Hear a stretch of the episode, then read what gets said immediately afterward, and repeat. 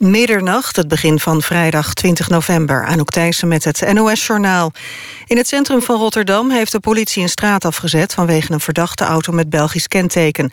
Burgemeester Abu Taleb, die in de buurt in een restaurant zat... is uit voorzorg door de politie weggevoerd.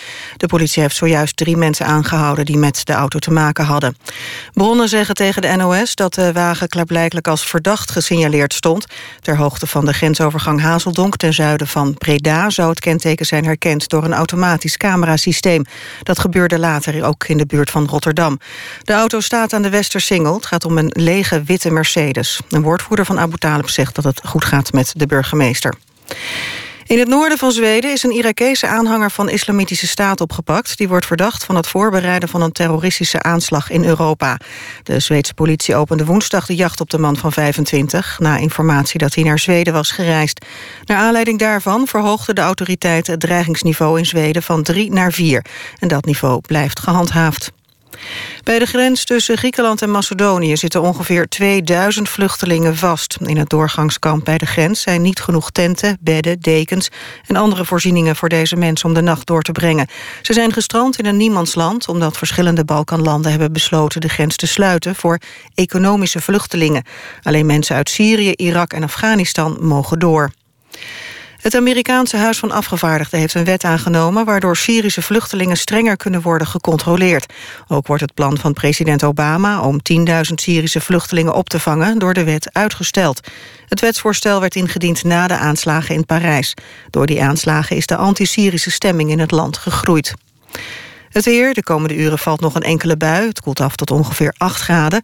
Overdag opnieuw regen, maar later ook af en toe zon. Het wordt tussen de 9 en 10 graden. De dagen erna wordt het kouder. Dit was het NOS Journaal. NPO Radio 1. VPRO. Nooit meer slapen.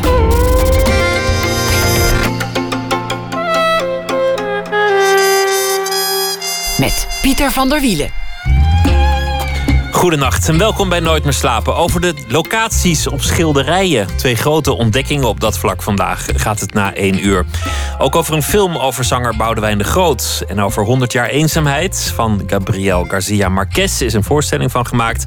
En de Vlaamse schrijfster Saskia de Koster schrijft deze week een reeks over terreur. Ook dat na één uur. Allereerst Titus Muiselaar, hartelijk welkom. Een soort Hades is de voorstelling vanaf deze week op tournee met Theater Utrecht. Prachtige cast. Peter Blok speelt mee, Wendel Jaspers, Guy Clemens. Nog een paar uh, beroemde acteurs. Een flinke cast eigenlijk ook. Het is een stuk van de Zweedse schrijver Noren. Over mensen op een psychiatrische afdeling die worstelen met zichzelf, met elkaar, met het leven, met het heden, met de toekomst en vooral met het verleden. Titus Muiselaar werd geboren in 1949, deed theateracademie in Maastricht. Werd er voortijdig van afgestuurd, maar dat maakt niet meer uit. Dat haalde hij in, want hij speelt al meer dan 40 jaar toneel. In onnoemelijk veel voorstellingen. Richtte zelf ooit de toneelfabriek op. Zat bij toneelgroep Amsterdam. Heeft daar ook eh, de artistieke leiding genomen. Is ook regisseur. Hij speelt ook vaak in films, televisie, won prijzen. Werkt vaak met uh, Wim T. Schipper samen en ook met Adelheid Rozen, met wie die ook samen leeft, maar niet samen woont. Titus Muiselaar, welkom. Ja, ik heb niks meer te vertellen hoor ik al. Zullen we gaan? We zijn eruit. Het was gezellig. ja, okay. Ik hoorde dat je, dat je ooit als, als kind stotterde. Ja. En dat je dat hebt overwonnen om acteur te kunnen worden. Ja, nou, het ligt iets. Ja, nee, ja, het is. Het, het is uh, ik stotterde.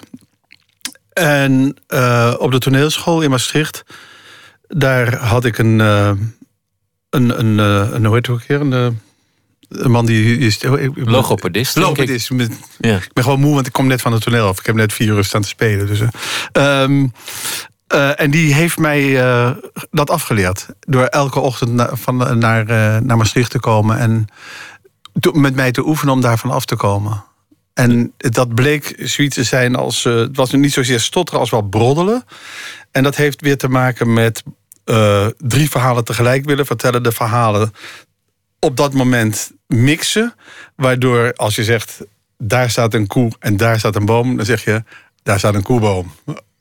Maar dat zeg je niet, want je weet dat is fout. En dan stok je en dan zeg je, daar, nou, ik kan het nog zo nadoen, maar ja, ik heb gestotterd en ik sliste. Dat kan je nog wel horen trouwens. Maar dat betekent dat je juist dat ene beroep bent gaan doen waarvan je zou zeggen: Nou, wat kan je nou nooit doen als je stottert? Dan kom je al vrij snel uit op acteur. Dat zal toch echt nooit gaan. Het toneel, als je stottert, kan je vergeten. Maar dat was toch geen barrière, want stotterend en wel ben je naar die academie. Ja, maar gegaan. ik stond daar natuurlijk helemaal niet bij stil. Ik stotterde daar niet bij stil. Dat is. eh, dat, dat, je wilde dat. En ik heb eigenlijk nooit wat anders gewild. Dus ik, ik heb ook niet iets van. eh, ik had een, een, een, een, wijde keuze. In mijn hoofd zat er eigenlijk geen keus. Ik deed dit. En ik was wel aangenomen door de sportacademie ook. En toen ging ik naar de toneelschool om toelatingsexamen te doen. Dat was toen heel anders dan nu. Want tegenwoordig heb je eh, oriëntatiecursussen... en dan moet je een examen doen en dan nog eens een keer en nog eens een keer. En daar moest je één keer moest je, eh, opdraven. En dan kreeg je te horen of je examen mocht doen. En dan op één dag deed je een monoloog en een gedicht en een improvisatie. En drie dagen later wist je of je aangenomen was. En in totaal bestond die toneelschool toen nog uit 21 leerlingen. Drie, verdeeld over drie klassen. Nou, tegenwoordig is de eerste klas is al, eh, alleen al, zijn er al 40. Ik bedoel, dat is onvergelijkbaar. Dus vandaar dat ik altijd ook een beetje terughoudend ben als het gaat over die toneelschool. Want ja, dat is gewoon een onvergelijkbare situatie. Dat kan je je bijna niet meer voorstellen. En er waren natuurlijk heel erg veel toneelgezelschappen... die allemaal een vast ensemble hadden. Er waren twaalf gezelschappen met 30 tot 40 acteurs. Dus die vijf, zes acteurs die van de drie toneelscholen kwamen... die hadden altijd werk. Kortom, het, was, het was makkelijker, het was beter in, in bepaald opzicht om, om acteur te zijn. Maar toch dat je stottert en dan acteur wordt, het is alsof je, alsof je een hele slechte motoriek hebt en dan toch topvoetballer wordt. Nou, dat zijn er heel veel die gelukt Ja, dat was je eigenlijk je andere droom, hè? voetballer worden. Ja, maar ja, nee, nee echt. eh, ja, sport en voetballen heb ik altijd leuk gevonden. Dat ben ik ook altijd tot mijn 54e blijven doen. Maar, en ik kon toen ook nog wel een soort van contract krijgen ergens en zo. Maar dat, dat is allemaal, dat klinkt allemaal zo chic en zo hoogdravend. Terwijl dat was het allemaal niet. Want ook geloof dat in die tijd dat ik toen bij SVV kon komen, toen moest je zelf nog je voetbalschoenen betalen, weet je, bij wijze van spreken. Dus dat is, heeft al, dat is, dat is onvergelijkbaar. Dan zeg je nu, eh, ja, dan was je rijk geworden. Nou, echt niet. En zo'n goede voetballer was ik trouwens ook helemaal niet. Maar nog steeds wel een fan. Ja, ik, ik heb een vaste plaats in de, in de arena. En, eh, en eh, met mijn kinderen praat ik eh, heel erg veel over voetballen. We hebben zelfs een eh, ap- aparte app van eh, Ajax. Je leven bestaat eigenlijk voor voor een heel groot deel volgens mij uit toneel, voetbal en misschien een beetje eten. Nou, voornamelijk toneel natuurlijk. Dat is, ik heb de afgelopen maanden, nadat ik van vakantie terug ben gekomen, heb ik en weer die hoogwater voorheen laagwater van Wim T. Schippers en Crave van Theater Utrecht in de regie van Thibaut heb gespeeld. En we hebben gerepeteerd aan dit dus. En nu zit ik hier om dit te vertegenwoordigen. Dus mijn leven bestaat eigenlijk voornamelijk uit toneel. Je, je volgde onderwijs bij de Paters. Een, Ja. een, een echt ouderwetse eh, Een knalharde jezuïetenopleiding. Ja. Ja, dus, dus jongens en meisjes nog gescheiden. En, Ja. en de man voor de klas was niet alleen een leraar, maar was ook iemand die, die een religieuze opleiding had gehad. ja. Droeg ze ook nog, nog Ja, Een bijen. jurk ja, of- ja, ja? ja, ja, ja, ja. Dat was echt. eh dat was eh, vol gas jezuïtisme. Dat was het Aloysius College, die school die nu recentelijk is opgeheven vanwege gebrekkige prestaties en dat soort dingen.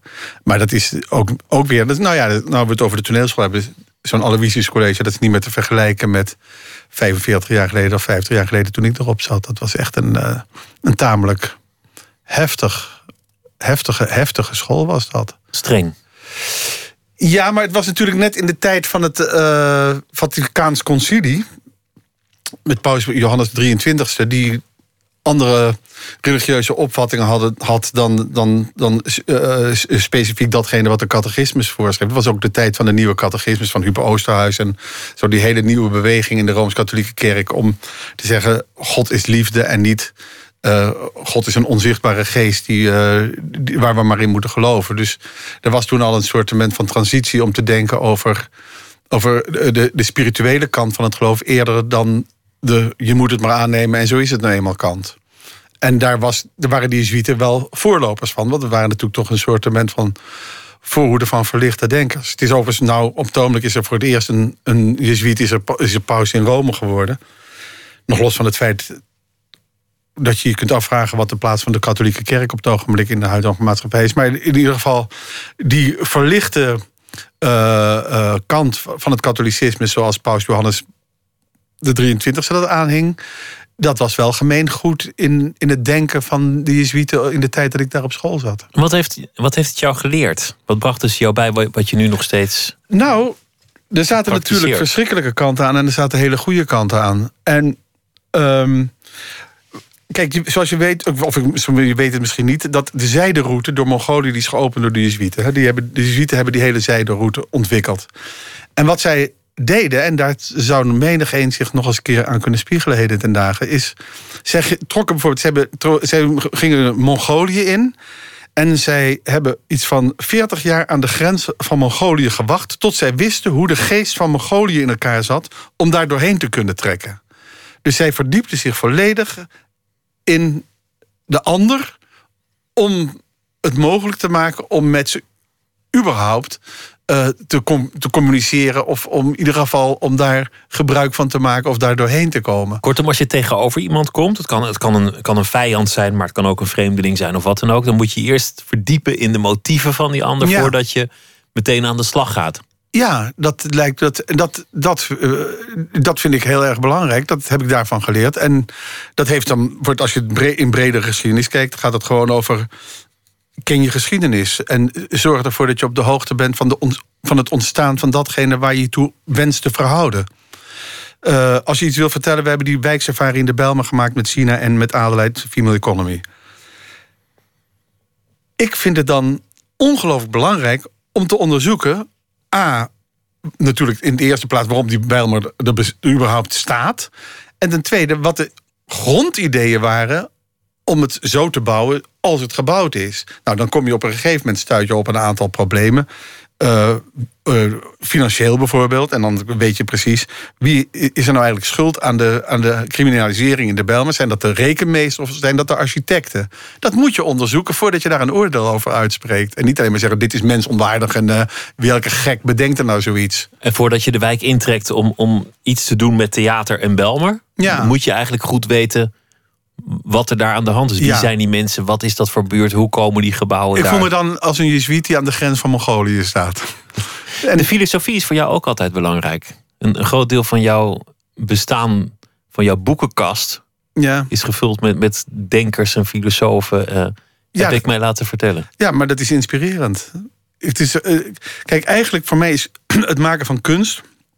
en ik, ik, ik beschouw toneel als kunst is de kunst van de retorica. De schone is een van de schoon, zeven schone kunsten.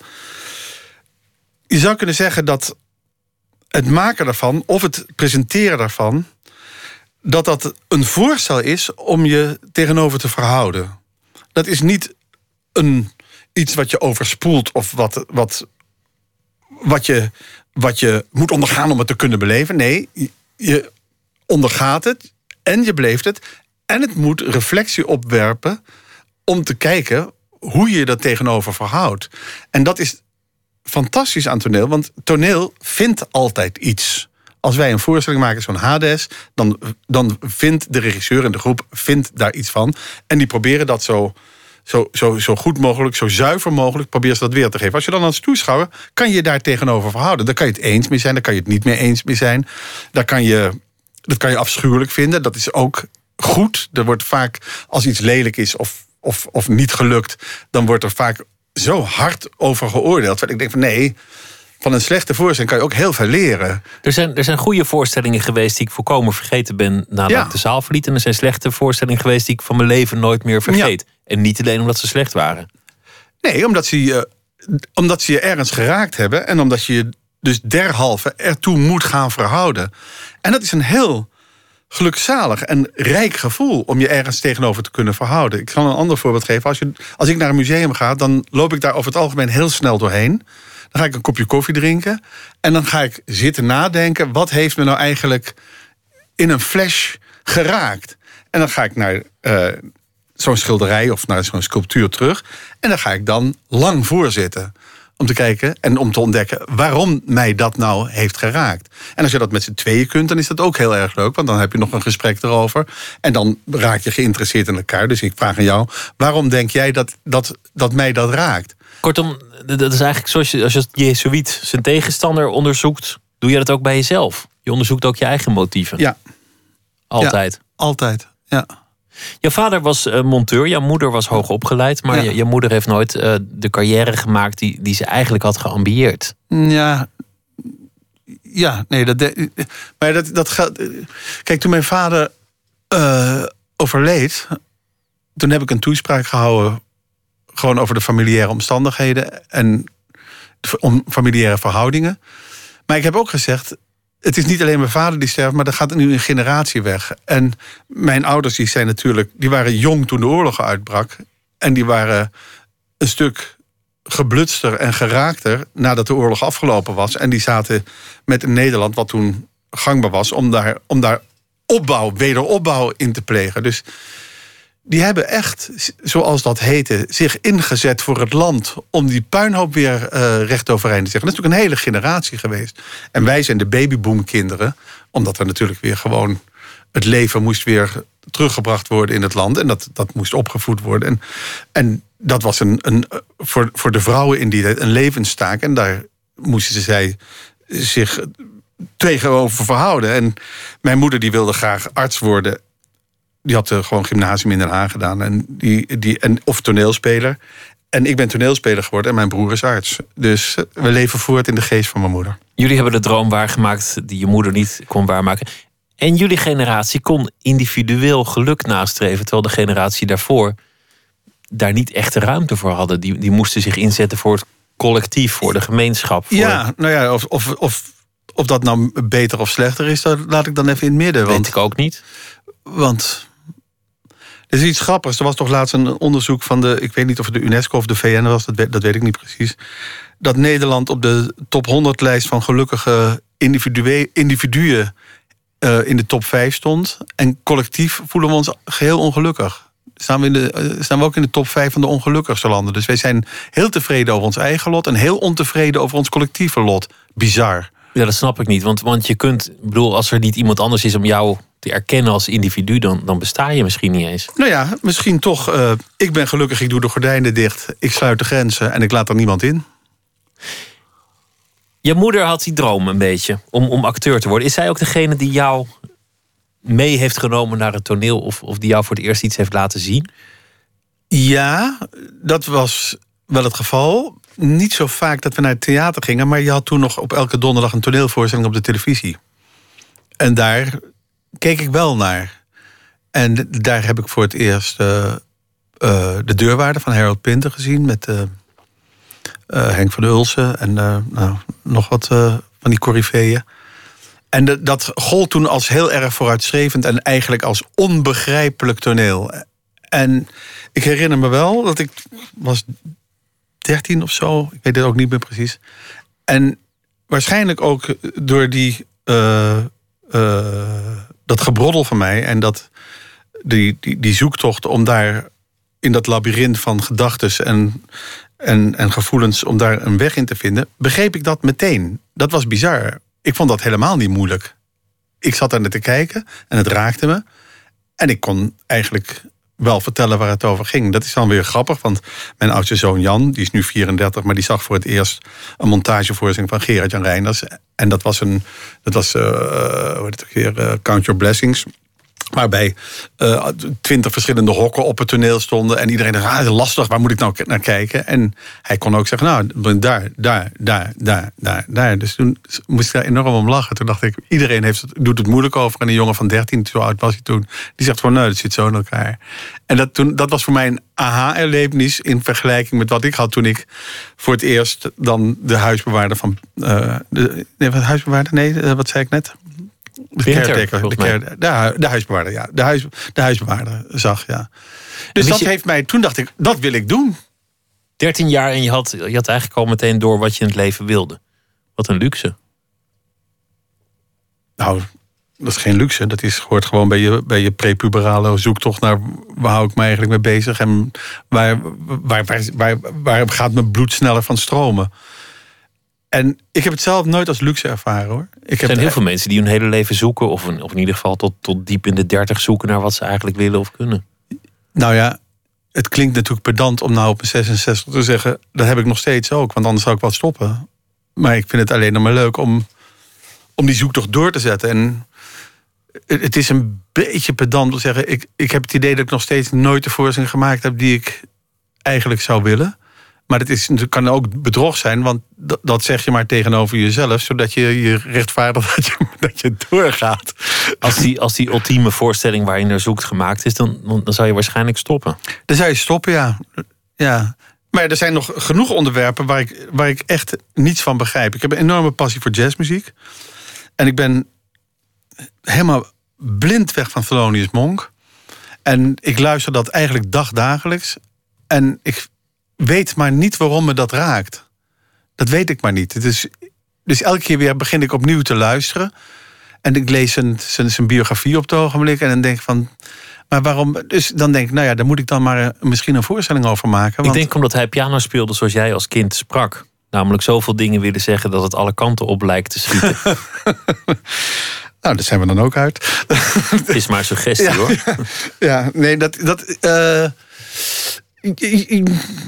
dat zou heel goed kunnen, ja. Dat is, dat is wel, maar ja, aan de andere kant, er zit altijd een grondmotief in. Het is altijd een soort eh, van. Het is nooit onzin. Nee, het nee, prachtig. Nee, nee. En het is ook wat, wat, wat mij misschien ook wel heel erg aanspreekt, is dat in de begintijd van de, van de, van de hardbop, dus uh, ik zou maar zeggen Parker en Gillespie in de, in de eind 40, uh, eh, nee, hoe heet het ook weer, zo 44, 45 in Amerika.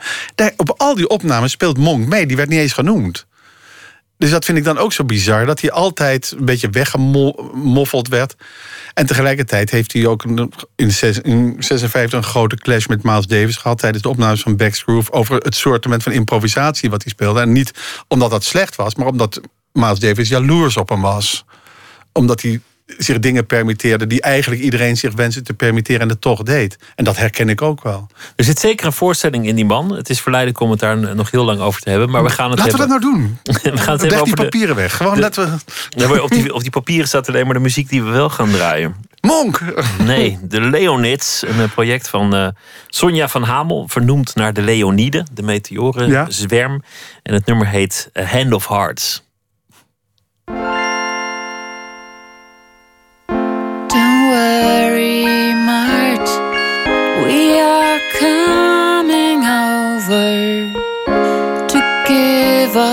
Hearts to the second part of your life that's going to hit the start. We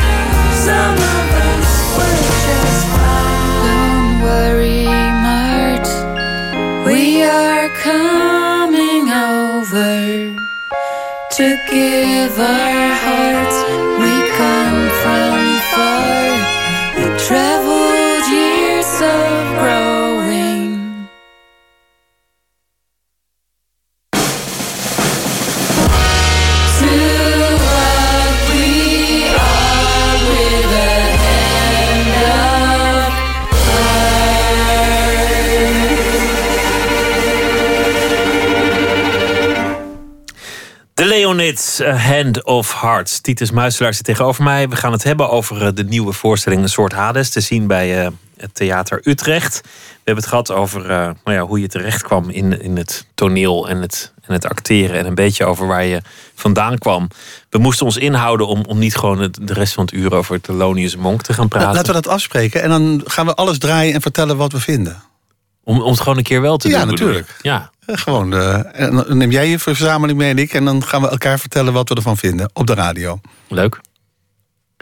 Die, eh, dan, dan, zitten we ook, dan kom je vanzelf te spreken over psychiatrie. Want dat, dat hoort heel erg bij, bij Monk. Maar dat hoort ook natuurlijk bij de, de voorstelling. Ja. Een soort Hades. Want het speelt op een psychiatrische afdeling. Ik kende het stuk niet, maar je hebt het eerder gespeeld. Ja, Het zei dat je een andere rol speelde met een ander gezelschap. En dat die rol nu geschrapt is. ja.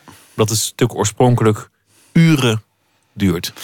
Nee, ja, nee, het is niet geschrapt omdat het uren duurt... maar gewoon omdat, er, omdat, er, omdat het niet meer te doen is. Omdat er geen ensemble meer bestaat. Want we hebben het gedaan bij Toneelgroep Amsterdam in 1996... in de regie van Gerard-Jan Reinders. En wij hadden gewoon 25 acteurs in dienst. Dus we konden dat stuk helemaal bezetten. Er zitten 25 rollen in. En dat is gewoon niet meer op te brengen. En zeker niet voor een gezelschap wat geen vast ensemble heeft... wat Theater Utrecht is. Dus eh, Joris van der Meer, de dramaturg... die heeft dat stuk bewerkt en geschreven naar een kleinere groep mensen. Dus het is een gewoon een wat kleinere psychiatrische afdeling geworden eigenlijk. ja. Ja, ja, ja, ja, ja. Ik ben bij de repetitie wezen kijken. Het was nou net een stuk waarin waar- net jouw tekst werd niet gerepeteerd. Er er werd een andere scène gerepeteerd. Het ging over incest. Een ontknoping tussen een, een eh, dochter en, en een vader. Hele dramatische scène. Ja, Prachtig gespeeld. ja, Ontroerend. ja.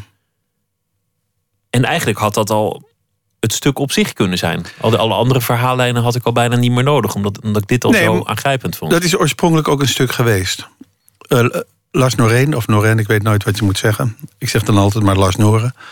Die, ehm, die, heeft, die heeft dat stuk van die vader met die dochter... dat heeft hij als eenakter geschreven. En dat heeft hij eigenlijk nooit uitgebracht... maar dat heeft hij toen verwerkt in dat grote oeuvre van een soort Hades.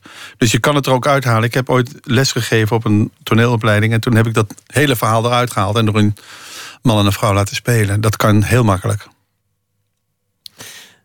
Het gaat over mensen die, die op allerlei manieren worstelen met hun herinneringen, met, met het verleden, met, met, met de gekte. Jouw personage heeft dat ook. Ja, Hoe ga je dan te werk? Zoek je dan de gekte op in jezelf? Want, want eigenlijk kan je, kan je daar alles mee doen wat je wil. je kan er alles mee doen. En er is natuurlijk... In de aard van een toneelspeler zit volgens mij ook het onderzoek naar... eh, wat je eigenlijk net al probeerde aan te geven... wanneer dat nou ontstond en waarom je nou net gaat... als je, dat, als je dan een handicap hebt om dat te gaan doen. Maar dat doe je allemaal helemaal niet zo bewust. Maar je bent wel misschien wel bezig van het begin af aan... naar traumaonderzoek, naar bestaansrechtsonderzoek... naar eh, eh, eh, je, hele raison d'être. Dus op het moment dat je een stuk moet spelen... van gekwetste, geblutste getraumatiseerde, gepsychotiseerde mensen, dan is er altijd wel ergens in je leven een aanknopingspunt dat je kan zeggen: hé, hey, dit, is een, dit, dit lijkt verdacht veel op een ervaring die je hebt als je het empathisch leest. Dit lijkt verdacht veel op een eh, ervaring die ik heb gehad, weliswaar vanuit een ander perspectief, maar wel vanuit, een, eh, vanuit, vanuit het zicht op de oplossing van je eigen trauma's. Niet dat ik denk dat je trauma's kan oplossen, maar je kunt ze wel in kaart brengen. En je kunt je eigen gedrag, kun je, voordat je crasht in je trauma, kun je op een gegeven moment in de loop van ouder worden, kan je analyseren. En dan kan je dan alle alarmbellen bij jezelf af laten gaan. Om dan te zeggen van, oh, ik moet uitkijken, want daar, daar komt hij weer. En je hebt ook natuurlijk je omgeving die je erop wijst. Van, ja, maar dat is je trauma. Oh ja, gelukkig. gelukkig. Op een gegeven moment wordt het gelukkig met trauma. zoals ik, las laatst ergens in een of ander geschrift. Dat, dat was wel erg leuk ook. Eh, eh, ik heb eh, liever een ongelukkige jeugd dan een ongelukkig einde. Dat is als je werkt aan je, aan je, aan je, aan je zijn en werkt aan je, je motivering en je, en, en, en, en, en je eigen inhoudelijk denken, dan, dan, dan stuit je erop en dan word je daar meteen mee geconfronteerd. En zal je dat dus kunnen gebruiken in datgene wat je doet. Ik heb eens de theorie gehoord dat een, dat een gek alvorens zich echt over te leveren aan de waanzin nog even één moment voor de keuze staat. Nog even kan beslissen, neem ik die laatste sprong of, of kan ik het nog tegenhouden? Ja. Nou, ik heb die laatste sprong nooit gedaan, dus ik kan dat niet bevestigen. Maar ben je op dat punt gestaan? Nee, maar ik, ik heb wel eh, punten gehad dat ik een blokkade in me voelde, waardoor ik niet meer verder kon. En in letterlijke zin, dat ik niet verder kon lopen. Dat was toen ik een jaar of eh, drie, 24 was of zo. Dan had ik echt. Dat je letterlijk vastliep. Ja, letterlijk vastliep. Alleen, ik wist wel, dat gaat weer over. En dat duurde soms een dag, maar dat, dat, dat gaat over. Maar goed, om daar, daar nou niet al te veel op in te gaan, want dat, dat maakt niks uit. Maar er is altijd, maar dat is niet alleen in een stuk wat toevallig in een psychiatrische inrichting speelt, maar dat is ook in Hedda Gabler en dat is ook in het werk van O'Neill en in Heijermans. Het maakt niks uit. Er zit altijd een facet in waarin je je kunt herkennen en waar je dus ook aan vastklampt om het te maken.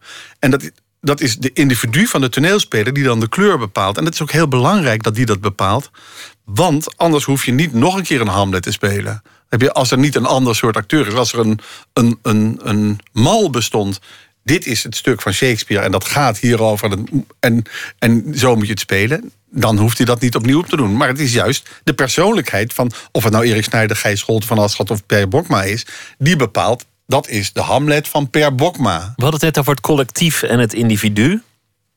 Ik, ik wierp iets op over generaties. Jij zei, wij zijn in Nederland individueel gelukkig, collectief ongelukkig. Ja.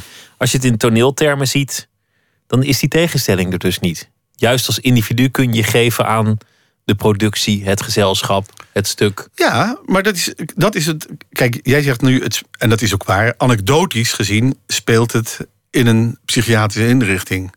Maar je zou ook kunnen zeggen, het speelt op een plek waarop gekwetste mensen en geblutste mensen en alles wat ik net opnoemde zich kunnen verhouden tegenover elkaar, waardoor er een enorme hum- humane communiteit op het toneel te zien is van mensen die geen plek hebben en die maatschappelijk zich een plek verwerven. Dus het gaat niet alleen over het leven van die mensen. Nee, het gaat over, als je het wil, maatschappelijk wil spiegelen, het gaat over een maatschappij waarin wij leven, waarin de outcast, de buitenstaander, de vluchteling, de transgender, noem maar op, eigenlijk geweerd worden. Eigenlijk niet toegelaten worden. Eigenlijk het gordijn dichtgaat, de grens De. Hades, de onderwereld, dat is eigenlijk de psychiatrische afdeling. Het is datgene wat je niet wil zien, wat je wegstopt. Precies, en er zijn op het ogenblik eh, politiek gezien heel weinig eh, eh, eh, Garon, eh, kapitein Garons om de boot te, te varen van de ene naar de andere plek. Integendeel, er is niemand meer. En dat vind ik erg mooi aan die voorstelling. Als ik dat metaforisch bekijk naar hoe het in de wereld om ons heen gaat. Dat eigenlijk Thibaut en dat gezelschap en deze groep mensen een uitweg biedt door te zeggen: kijk naar de ander, luister naar de ander en accepteer de ander in zijn kwetsuur. Dat is een hele belangrijke zin aan het slot van het stuk. Ik weet niet of je dat gezien hebt of je daarbij was. Dat gaat dan over die vermeende incest. Want of het incest is geweest, dat blijkt ergens nergens in dat Want, stuk. want de herinneringen zijn niet te vertrouwen. Herinneringen zijn niet te vertrouwen. En die dochter die zegt op het eind van het stuk... en dat is een ongelooflijk belangrijke zin... erken het dat ik daaraan leid. Eh, Dat is het enige wat ik je vraag. Erken het. Nou, dat is toch precies een punt waar we op zijn beland. Erken in eerste instantie dat die mensen vluchtelingen zijn. En niet dat ze hier onze baan komen inpikken. Erken het. Dan kan je verder. Maar op het moment dat je dat niet erkent, heb je een, haal je een enorme grote groep binnen. Of stel je de grenzen open voor een groep mensen. Of moet je de grenzen openstellen voor een grote groep mensen. die niet erkend worden.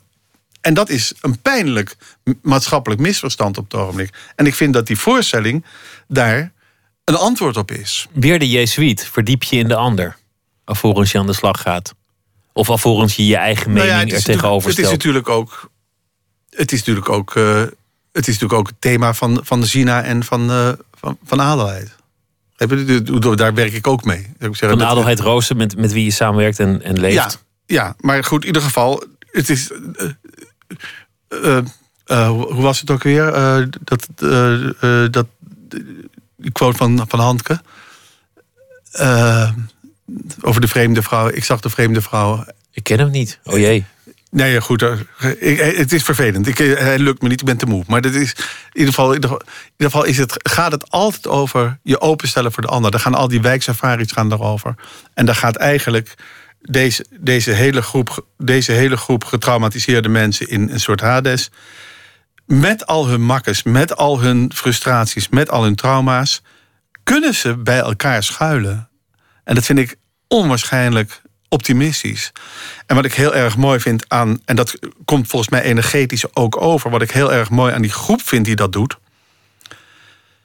Het, ik vind het, jij zei het al in je aankondiging, ik vind het een hele erg mooie groep toneelspelers, omdat er geen enkele vorm van cynisme wordt geëxploiteerd. En dat is volgens mij het beste argument wat je kunt hebben als je een pleidooi houdt voor een humanistische omgeving of voor een humanistische maatschappij of voor een humanistische visie op hoe je met elkaar kunt omgaan. Hoe bedoel je dat het geen cynische toneelspelers zijn? Of dat ze niet cynisme gebruiken? Ik vind dat Thibaut een oog heeft. Thibaut Delpeus, de- Thibaut Delpeut, ja. de- de Delpeut. regisseur. Delpeut, moet je zeggen. Oké. Hè, voor, eh, voor, voor, eh, voor, een, voor een open mind, voor een open geest en voor een creatieve geest om gezamenlijk zich te verhouden tegenover zo'n stuk. Want dat is natuurlijk wat een ensemble is. Je ver- verhoudt je gezamenlijk tegenover, een stuk, tegenover de thematiek. Als daar stoorzenders in zit, dan kan je maar één ding doen. Dat zit er overigens niet in, maar als dat erin zit, je verhouden tegenover de stoorzender en hem omarmen. Want je moet eigenlijk, ehm, hoe moet ik dat zeggen, ware liefde, dat is zorg dragen voor het isolement van de ander. Dat is misschien een beetje een gecompliceerde zin, maar eh, als je ervan uitgaat dat elk individu geïsoleerd leeft met een grote hunkering naar begrip en zicht op de ander, dan heb je te zorgen dat je van de ander houdt in het isolement van wat hij of zij heeft tegen een achtergrond van het landschap waar de ander zich in bevindt en niet jij. Want jij hebt een ander perspectief en je hoopt dat die ander dat ziet. En als je die ander dat ziet, dan heb je kans op een vorm van intimiteit. Dus het gaat altijd verhoudingen die, die vanuit een, een liefdevolle blik eh, bekeken moeten worden. Het gaat altijd over de verdieping, en daar komt hij weer, in de ander. En zonder je eigen ego daarbij op de voorgrond zetten. Dus Is er, is er nog verschil tussen, tussen het toneel en het echte leven voor jou? Is, is het een andere wereld? Is het, is het toneel wezenlijk anders dan nou ja, zodra je de deur uitloopt? Nee. Eh, Ja en nee. Kijk, je hebt een, je hebt een aangenomen tekst. Het zijn niet mijn woorden. Maar waar je naar streeft, is eigenlijk... Althans, dat vind ik een mooie vorm van toneelspelen. En dat deden wij bij Discordia ook, waar ik jaren gezeten heb. Wat je probeerde is eigenlijk zo normaal mogelijk te praten. Dus je, je eigen te maken, waardoor je denkt... hij of zij meent het en ik geloof het. Want het gaat altijd over geloof. Het geloof, het, degene geloven die op het toneel staat, die moet je geloven. Dat, dat hij of zij dat zegt.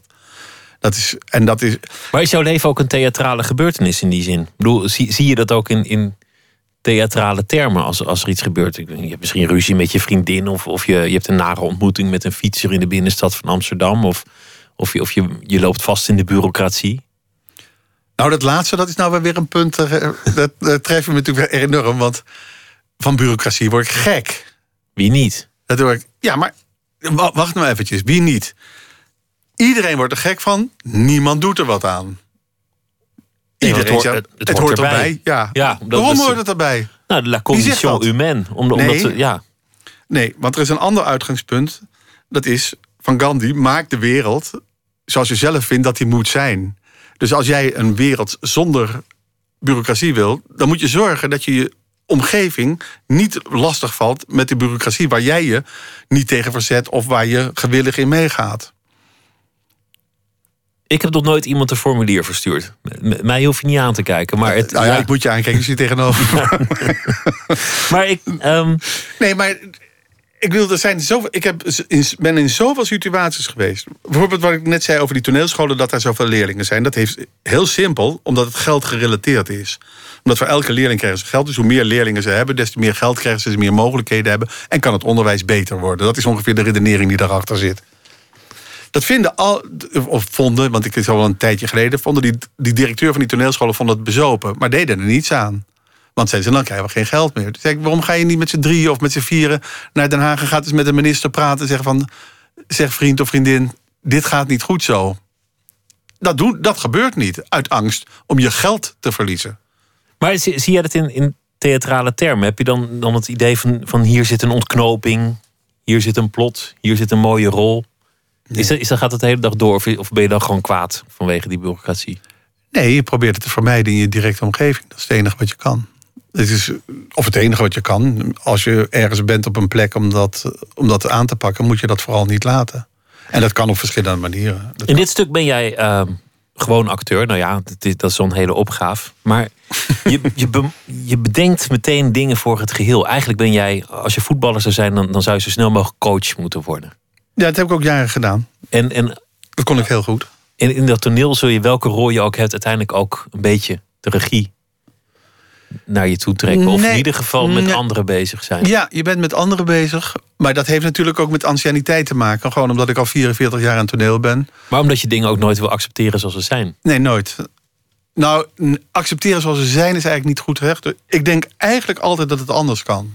Dat is meer Zoals je hier ook zegt, kom laten we, laten we een uur over Monk praten. Ja, ik denk altijd, dat is toch als, ik zie jou, terwijl, dat, terwijl die meteorieten langs, langschoten, zitten wij te praten over Monk. En dan ben jij enthousiast en dan ben ik enthousiast. En dan denk je, waarom, waarom pakken we dat ik nu niet dat op? moet toch een goed programma worden? Maak dat. En ze, nou ja, het zegt iets over jouw manier van werken, in ieder geval. Ja, Waardoor mensen waarschijnlijk soms gek van je worden en toch ook altijd geïnspireerd door je worden. Ja dat, dat, eh, dat zit er dik in. Omdat ik me natuurlijk... Maar ja, dit is, dat, dat, dat is dan ook weer moeilijk. Want als acteur heb je gewoon een ander soort verantwoordelijkheid dan Als als regisseur.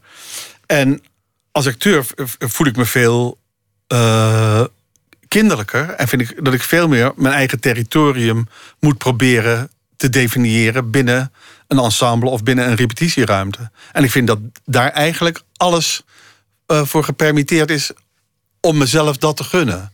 Daarbij bedoel ik niet dat ik wals over anderen heen. Maar ik vind wel dat je dat je, dat je, dat je, je eigen condition kunt maken om je eigen droombeeld te realiseren. Alleen, ja, dat moet je redelijk goed communiceren en met, met, met, met je medespelers en zo. En dat doe je soms wel eens niet. En dan denk je, jezus, daar heb je hem weer. En, eh, en dat is, soms is dat flauw en dat is, ik bedoel, niks menselijks is ons vreemd. Dus dan de ene keer is dat, is dat scherp en de andere keer is dat ongelooflijk flauw. En dan soms is dat storend en soms, nou ja, zoals het leven in elkaar zit. Al je grote liefdes werkten op de een of andere manier in het toneel. Ja, Alle mensen met wie je een langere relatie hebt gehad, althans. ja, ja. Wat zegt dat? Nou, dat zegt in ieder geval dat er, dat er een, een, een gedeelde passie is. En een gedeelde passie maakt het spreken heel wat makkelijker. Dus ehm, als, je, als, je, als je thuis bent, en zeker het. de, eh, mijn, eh, de eerste vrouw waar ik lang bij ben geweest, Dirkje Houtman, de dramaturge die nu op het ogenblik bij Ola Mafalani altijd werkt. Ja, dan, dat is gewoon in je twintig jaar. En zij studeerde nog dramaturgie. En ik kwam net van die toneelschool. En weet je, dus dat, dat, zijn, dat is gewoon. Er zit dan een soort van drive en drift achter.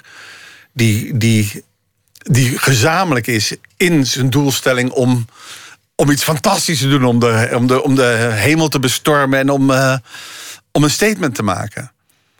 Nou, dat, dat, dat geeft een binding. En dat geeft ook een intimiteit die in een andere fase in je leven gewoon niet meer, niet meer te reproduceren is. Dus bijvoorbeeld mijn intimiteit met Dirkje, die vind ik nog steeds uniek en koester ik nog even hard als ik het, eh, als ik het goed vind dat we niet meer bij elkaar zijn.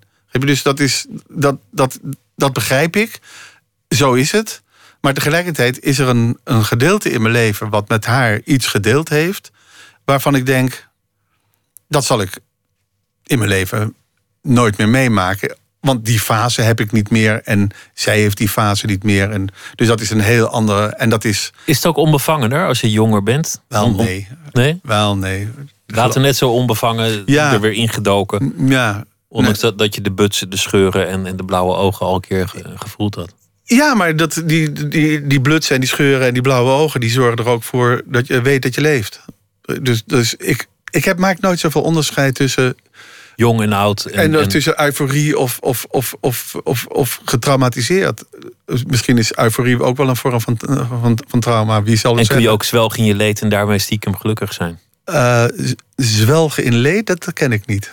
Oh ja, dat, dat- in liefdesverdriet of in, of in, in tegenslag. Dat je, dat Nee, je er dat- helemaal je, erin onderdompelt. Ja, maar dat is wat anders dan zwelgen. Want het woord zwelgen, dat heeft voor mij toch een negatieve connotatie. Dat is van de. Dat is, dat is je verlustige, Ja. verlustige in je ongeluk. Nou, dat eh, heb ik in, helemaal niet. Integendeel.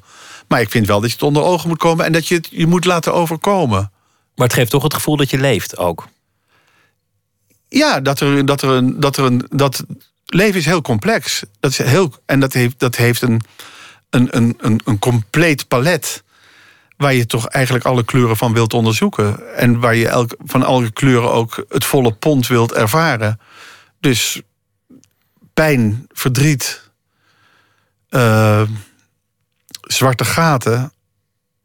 Het kan heel inspirerend zijn. Ben je wel eens in therapie geweest? Ja, ja. Lang? Ja. ja. Acht, heeft- acht tot tien jaar. Ik weet het niet precies meer nou hoor, daarom zeker. En dan één keer in de week of zo. Ja, in het begin veel. Het begin eh, twee, drie keer in de week. Vier zelfs. En toen, eh na de hand is dat zo heel langzaam afgekalfd. En wat heeft je dat eh, gebracht?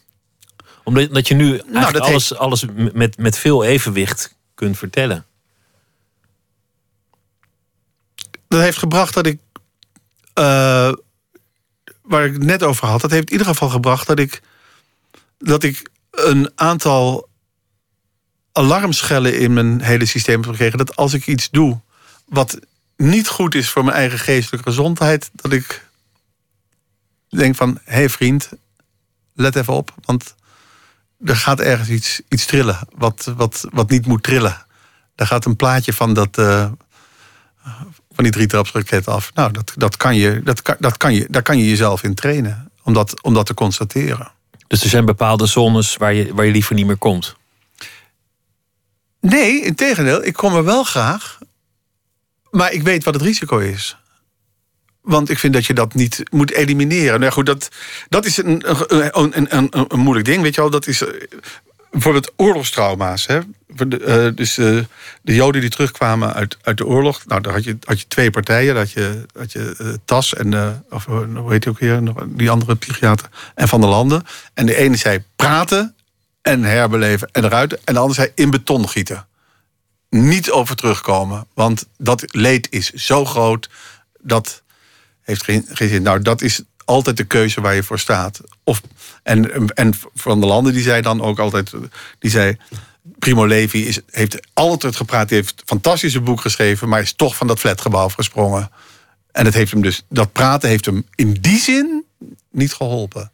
Misschien is het ook wel zo dat je twee strategieën in ieder geval niet moet mengen. Het, of het een, of het ander, maar, maar Nou, niks half. Ik weet het ik, niet. Ja. Ik weet het niet. Ik ben geen deskundige op Ik weet het vlak. niet. Heb Ik je heb- aanleg voor depressie of niet? Ja, ja. Wat gebeurt dat er zegt hij heel vrolijk. Ja. Ja. Ja. Nou ja, de aanleg wil niet zeggen dat je depressief bent nu. Nee, nee, nee, nee, maar ja, er zit wel een mate van de, de, de er zit een maat, eh, er zit een, een er zit in mij een soortement van eh, getraceerde eenzaamheid, die ik, als ik niet meer weet wat ik moet doen, eigenlijk altijd herbeleef. En dat, is een, dat, en dat heeft te maken met een beeld wat ik heb van toen ik vier was. En uit, wij woonden in de Deurlostraat in Amsterdam en in de rivierenbuurt. En toen was waar nu de nieuwe rij staat, dat was het landje, daar eindigde Amsterdam. En daar was het Beatrixpark en daar ging ik dan met mijn schepje spelen. En dan liep ik met mijn schepje met een, een korte blauwe gebreide broek.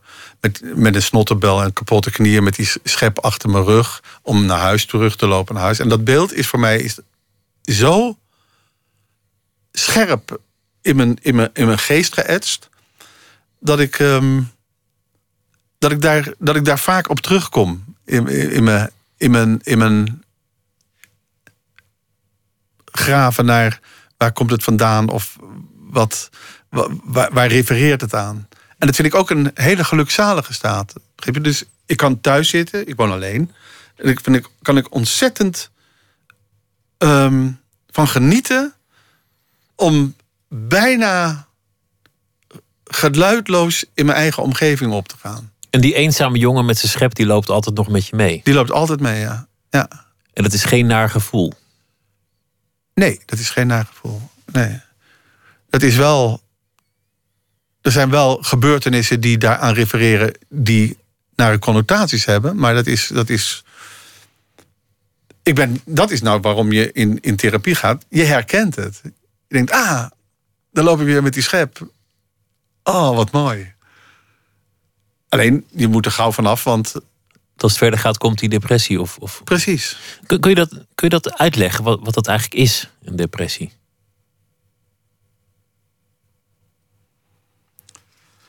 Voor wie erin zit.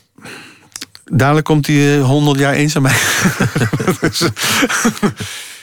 nou, ja, dat, ja, dat is een staat van is een state of mind die een soort een, een vorm van uitzichtloosheid met zich meebrengt, waar je, waar je dus geen perspectief meer ziet, maar, maar, maar in, in het zwart loopt. Ja, ik, ik, ik vind dat het allemaal matig van mij eh, om dat, om dat te proberen te, te definiëren. Maar wat, wat gebeurt er? Is, is, het, is het drinken? Is het niet meer eten? Is het, is het niet meer je bed uitkomen? Is het mopperen? Is het... eh, Nee, in mijn geval is het een volstrekt geïsoleerd zijn. En, en, en het, het, in mijn geval is het bijna altijd een niet-welkom syndroom. Dat ik me niet welkom voel. dat het jongetje met die schep ook nog de deur wordt gewezen? Ja. Ja. Je woont alleen, zei je, maar je leeft niet alleen. Nee. Er was een aflevering van het, ik ken dit niet hoor, maar het, het fantastische programma. Ik ben niet zo'n tv-kijker, maar een, een prachtig programma gemaakt door RTL. En dat, dat heet Mijn Vrouw, Jouw Vrouw. Ja. En, en dat was dan de VIP-versie. En eh, jullie relden van leven. Met, de, met de, de, de familie van de, van de, ik moet het goed zeggen, de manager van Barbie van O.O. Gerso. Ja. Een, een familie die volgens mij ergens in Soetermeer of Den Haag of in die Ja, regio bij, ja, kijk daar of zo. iets, iets nieuwbouwachtigs eh, woonde. En nou ja, een, een sociaal contrast was het. Ja. Het, het was prachtige televisie. Ja. Dat, dat er ooit nog monumentale tv gemaakt zou worden. Dit, dit Ja. was het. Het was, het was namelijk ontzettend lief. Nou ja. En het liet ook eigenlijk iets zien van jou. Want jij kreeg die, die mevrouw uit Ja. eh, Kijkduinen over de vloer. En je, en je Loosduinen, kookte. ik, ja. Ja. Loosduinen, Ja. ja. Je, je kookte. Je Ja. nam er mee naar voorstellingen. Jullie gingen repeteren. ja. En ik zag eigenlijk een heel verzorgende, heel sociale man. Ja, maar ja, goed. In de eerste aanleg krijg je natuurlijk ook allemaal eh, twitters en vragen. Ik of, "Ah, wij doen jullie daaraan mee? Aan dat programma? Want het is altijd een beetje op de rel. En het is met Emiel Ratelband en met, eh, met, met eh, Glenn Helder en al dat soort mensen. Weet je, van die, en dat gaat altijd om de rel. Dat vinden ze dan het leukste. En we hadden ons voorgenomen, dat hoeft... eh, nee, nee, nee, nee, Ik vond het prachtig. ja, nee, maar toen, oh, er werd dus gezegd, hoe kunnen jullie dat doen? En toen zeiden we, ja, maar wat wij bij Zina doen in die wijksafari is precies hetzelfde.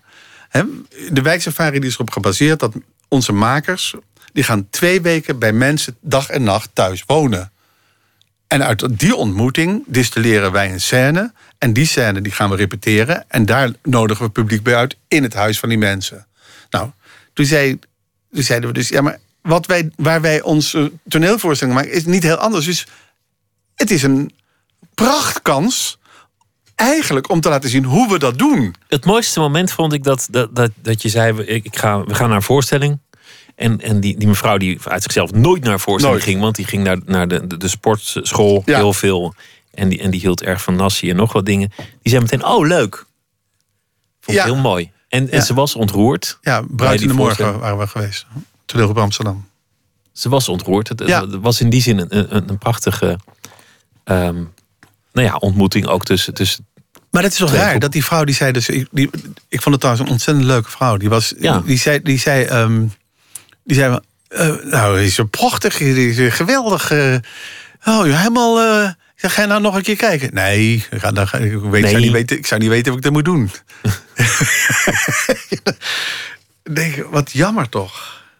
Wat, wat is dat nou toch jammer? Als je dan dat mooi vindt. En ze vond het mooi. En het was oprecht. Nou goed, oké. Je, je zei de uitzichtloosheid, want dat is eigenlijk de angst. De eenzame jongen die, die, die de deur wordt geweest, maar ook de uitzichtloosheid. Is eigenlijk theater misschien ook voor jou een, een strijd tegen die demonen, de eenzaamheid en de uitzichtloosheid? Is, is daarom het theater zo belangrijk of probeer ik nou weer zin aan iets te geven? Nou ja. Ja. Zo, zo bewust doe ik dat niet hoor. Helemaal niet. Het is. eh, Je doet het gewoon, zonder reden. Ja. nou, ik vind dat enorm leuk om te doen. En ik vind dat, ik vind dat zinvol en ik vind dat mooi. En ik vind het enorm. Nee, je hebt het al gezegd. Ik, ik, ik, heb al vijf voorstellingen met Wim de Schippers gemaakt. En dat doe ik niet omdat ik dat, omdat ik dat leuk vind, maar omdat ik hem heel erg goed vind. En hem enorm bewonder in zijn consequentie van dingen te maken die niet benoembaar zijn. Als je naar die eh, zaal van hem gaat in het Stedelijk Museum en al die sculpturen ziet die hij daar heeft neergezet, daar kan je de kunstgeschiedenis niet eens op loslaten. Dat is ondefinieerbaar wat dat is. En ik zie zijn toneelwerk bijvoorbeeld ook in, het, in, de, in, in de wens om het ondefinieerbare definitie te geven, maar wel in het besef en de kleur waarin geen enkele concessie zit aan zichzelf om dat zo te maken. En dat is voor jou ook liefde. Je zei liefde is die ander zijn, zijn, zijn, ja, zijn uniciteit gunnen. Je, je zei het mooier dan ik, maar, maar dat je een ander een eenling laat zijn of, of een, een individu. Ja, Dat is voor jou liefde. Dat is eigenlijk ook wat je zoekt Ja. in het toneel. Laat die acteurs ja, hun individuele ja, zijn in die rol leggen. Anders dan is het al een keer gedaan. Ja. Alleen dan kan het bijzonder worden. ja. En dat is eigenlijk ook wat je zelf hoopt in het theater. Om jouw Ja. uniciteit. Daar Nou ja, waar jij mag zijn wie jij bent. Te proberen te definiëren. Het is eigenlijk een voortdurende poging om dat wat je nu benoemt te definiëren. Ja. ja. En dan even toch terug naar Thelonious Monk. Die natuurlijk knettergek was, altijd bij zijn moeder bleef wonen. Er waren optredens dat hij Nelly. optrad in zo'n club. En, en dat, dat ze dan zeiden, nou, eh, laat de volgende keer alsjeblieft die gekke man met dat hoedje thuis. Want, want het, het was niet om aan te horen, want mensen begrepen het niet. Nee, Die man was natuurlijk niet te plaatsen, maar daardoor heeft hij iets nagelaten dat, waar we ons nog steeds aan verwonderen en vergapen. En Ja. nog steeds niet begrijpen. Ja, nou dat is ook in, dat, eh, in hoogwater en laagwater zit een geweldige zin van Wim. Daarin, eh, daarin is er sprake over eh, eh, ehm, een soort discussie. En dan wordt er gezegd van... ja, maar het publiek vindt het toch leuk? Hè? Het publiek vindt het leuk wat, we- wat we hier staan te doen. Ja, zegt dan de ander.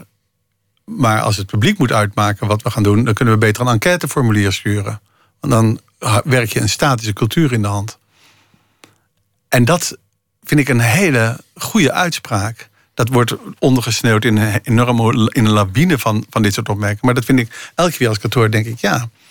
Als je doet wat de mensen willen, dan kan je het beste een eh, enquêteformulier lang sturen. Nog meer bureaucratie. Nog meer bureaucratie en eh, een statische cultuur. Dan gebeurt er niks meer. Dus je zit eigenlijk altijd te hopen op de uitzonderingen, de excessen, de getraumatiseerden, de geblutste, de syndroom van Downers, de Alzheimer's, die je moet erkennen, die je moet zien en erkennen en ze laten in de staat die, die ze hebben en waar ze in zijn. En als je die staat van zijn accepteert en die weet te omarmen, dan heb je een rijk leven.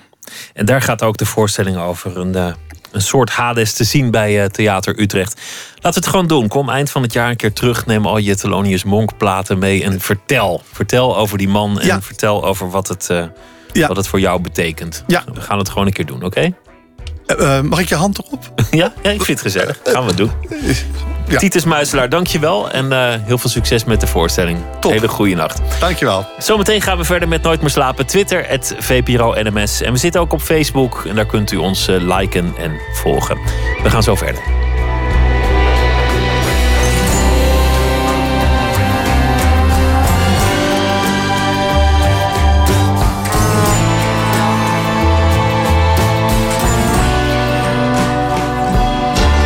Op Radio 1. Het nieuws van alle kanten.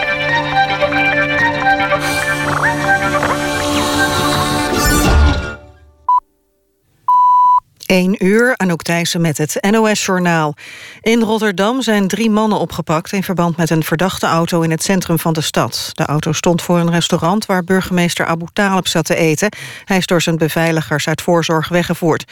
De wagen, een witte Mercedes met Belgisch kenteken... zou als verdacht gesignaleerd staan. Bij de grensovergang Hazeldonk zou het kenteken zijn herkend... door een automatisch camerasysteem. Dat gebeurde later ook in de buurt van Rotterdam. Wat de drie arrestanten te maken hebben met de auto is niet bekend. Kort na middernacht was de politieactie voorbij. In het noorden van Zweden is een Irakese aanhanger van Islamitische Staat opgepakt. Die wordt verdacht van het voorbereiden van een terroristische aanslag in Europa. De Zweedse politie opende woensdag de jacht op de 25-jarige man... na informatie dat hij naar Zweden was gereisd. Naar aanleiding daarvan verhoogden de autoriteiten het dreigingsniveau in Zweden van 3 naar 4... en dat niveau blijft gehandhaafd. Bij de grens tussen Griekenland en Macedonië zitten ongeveer 2000 vluchtelingen vast. In het doorgangskamp bij de grens zijn niet genoeg tenten, bedden, dekens en andere voorzieningen voor deze mensen om de nacht door te brengen. Ze zijn gestrand in een niemandsland omdat verschillende Balkanlanden hebben besloten de grens te sluiten voor economische vluchtelingen. Alleen mensen uit Syrië, Irak en Afghanistan mogen door. Station Arnhem heet vanaf nu Arnhem Centraal. Daarmee is Arnhem de eerste stad buiten de Randstad met een centraal station. De naam is tijdens de opening van het nieuwe station bekendgemaakt door ProRail-topman Eringa. Een station mag de toevoeging centraal krijgen als er meer dan 40.000 in- en uitstappers per dag zijn. Na Amsterdam, Rotterdam, Den Haag, Utrecht en Leiden is Arnhem het zesde centraal station van Nederland. Het weer. De komende uren valt nog een enkele bui. Het koelt af tot ongeveer 8 graden. Overdag opnieuw regen, maar later ook af en toe zon. Het wordt tussen de 9 en 10 graden. De dagen erna wordt het kouder. Dit was het NOS Journaal. NPO Radio 1. VPRO. Nooit meer slapen.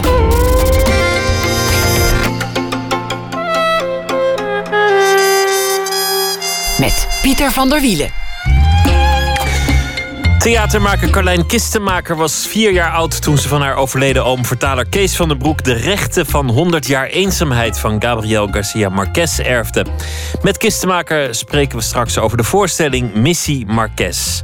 En we praten met documentairemaker Suzanne Raas over Kom Nader over zanger Boudewijn de Groot. Maar we beginnen met Saskia de Koster. Zij is schrijfster uit Vlaanderen en zal deze week elke nacht een verhaal schrijven over de actualiteit. Haar laatste boek heet Wat alleen wij horen en schreef, eh, werd eh, niet zo lang geleden uitgebracht. Saskia de Koster, goeienacht.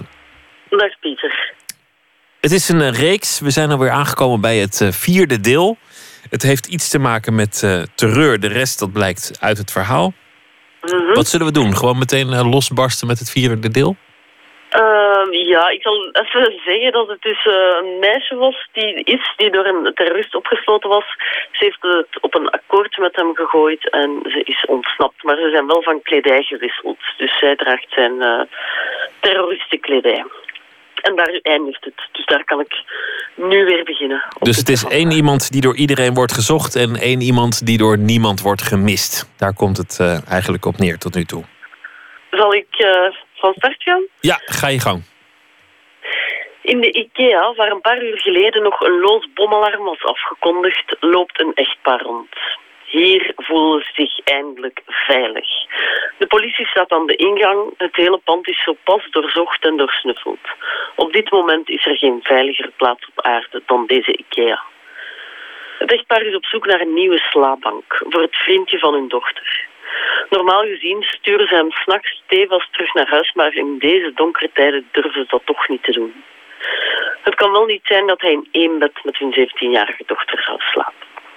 Op de slip-on-sofa's die ze thuis al meerdere keren online hebben bekeken en die ze wellicht zullen kopen, zit een meisje met een veel te grote zwarte jeansbroek en een camouflagejas zoals die afgelopen winter in de mode was. En te koop voor slechts 90 euro in de H&M. Het halve land liep ermee rond. Een uniform haast voor de vrije, vrijmoedige jeugd.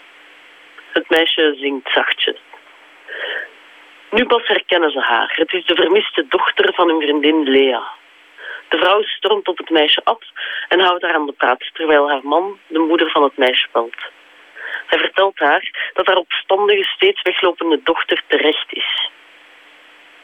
De moeder is zo blij. Een lichtpunt in deze donkere tijden, deelt ze de man aan de telefoon mee. Door de telefoon hoort hij haar roepen tegen haar man. God zij gedankt, ze is terecht. Ze zit in de IKEA, de veiligste plek op aarde. Hoe durfde jij denken dat onze dochter naar Syrië zou kunnen vertrekken? Het eh, vierde deel en het vijfde deel, dat, eh, dat krijgen we morgen. Het echte leven lijkt ook wel een feuilleton, want wat elke dag komen er weer nieuwe verhalen en, en nieuwe In- ont- ontknopingen eigenlijk bij, bij het drama van afgelopen vrijdag. Absoluut, ja. Vandaag bijvoorbeeld eh las ik ook over een vrouw hier in, eh, die zich, eh, een zelfmoordterroriste, die zichzelf opgeblazen heeft eh, in Brussel. Dus dat was toch ook wel een, een nieuwe wending die tegelijkertijd niet zo verrassend is. hè. Of ook dat feit dat eh, de man die, die nu gedood is bij een inval, ook in Brussel, dat hij eigenlijk heel erg, eh allee, ze noemden hem een quête du quartier, dus echt een Brusselaar, eh, ingeburgerd in de wijk, maar wel een anticonformist. En dat is zo'n beetje, denk ik wel, dat hij een rebelse jeugd, of het meisje in mijn verhaal, en een vrijheidsstrijder misschien ergens toch wel gemeenschappelijk hebben. Dus de akelige nabijheid van dat soort van, eh, ja, extreem baldadig terroristisch gedrag, dat is wel iets, denk ik, wat toch een verrassend element is ook. En wat toch ook blijkt dat je het helemaal niet aan iemand kunt zien. Omdat vaak de naasten helemaal niet door hadden waar iemand mee bezig was. Soms ook wel trouwens, maar, maar in sommige gevallen niet. En een van die jongens die was in Parijs eh, een paar jaar terug nog gewoon buschauffeur. Moet je voorstellen hoeveel schade een buschauffeur kan aanrichten. Of eh, die andere, die nu dus gedood is, die werkte eh, op de gemeente. Dus bij de dienst Vreemdelingenzaken. En dat is natuurlijk wel een beetje wrang, omdat, ja, allee, dat is zo hetgene van inderdaad, er- je kan niet zomaar een gezicht op het kwade gaan plakken. Dan zou het heel makkelijk en heel handig zijn. Maar dat is dus eh, helaas wat we niet kunnen doen, maar wat we wel willen doen. Dat het dat de zaken veel eh, eenvoudiger maakt. Ja, want in, in de tijd van, eh, van mijn opa, dan had je nazi's. Hè, dat was dan de grote vijand, Mhm. de nazi. Die droeg een uniform, die had één leider. Die was er vaak ook nog in een bepaald land woonachtig.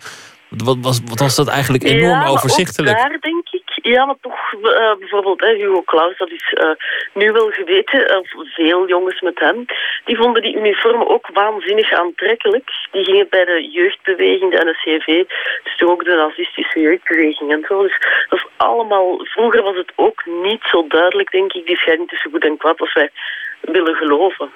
Ik denk dat dat altijd eh, heel vloe geweest is. Je kunt eh, nooit in iemands hoofd kijken. Saskia, dankjewel. Ik ben benieuwd naar het eh, vijfde deel morgen. En voor nu een hele goede nacht.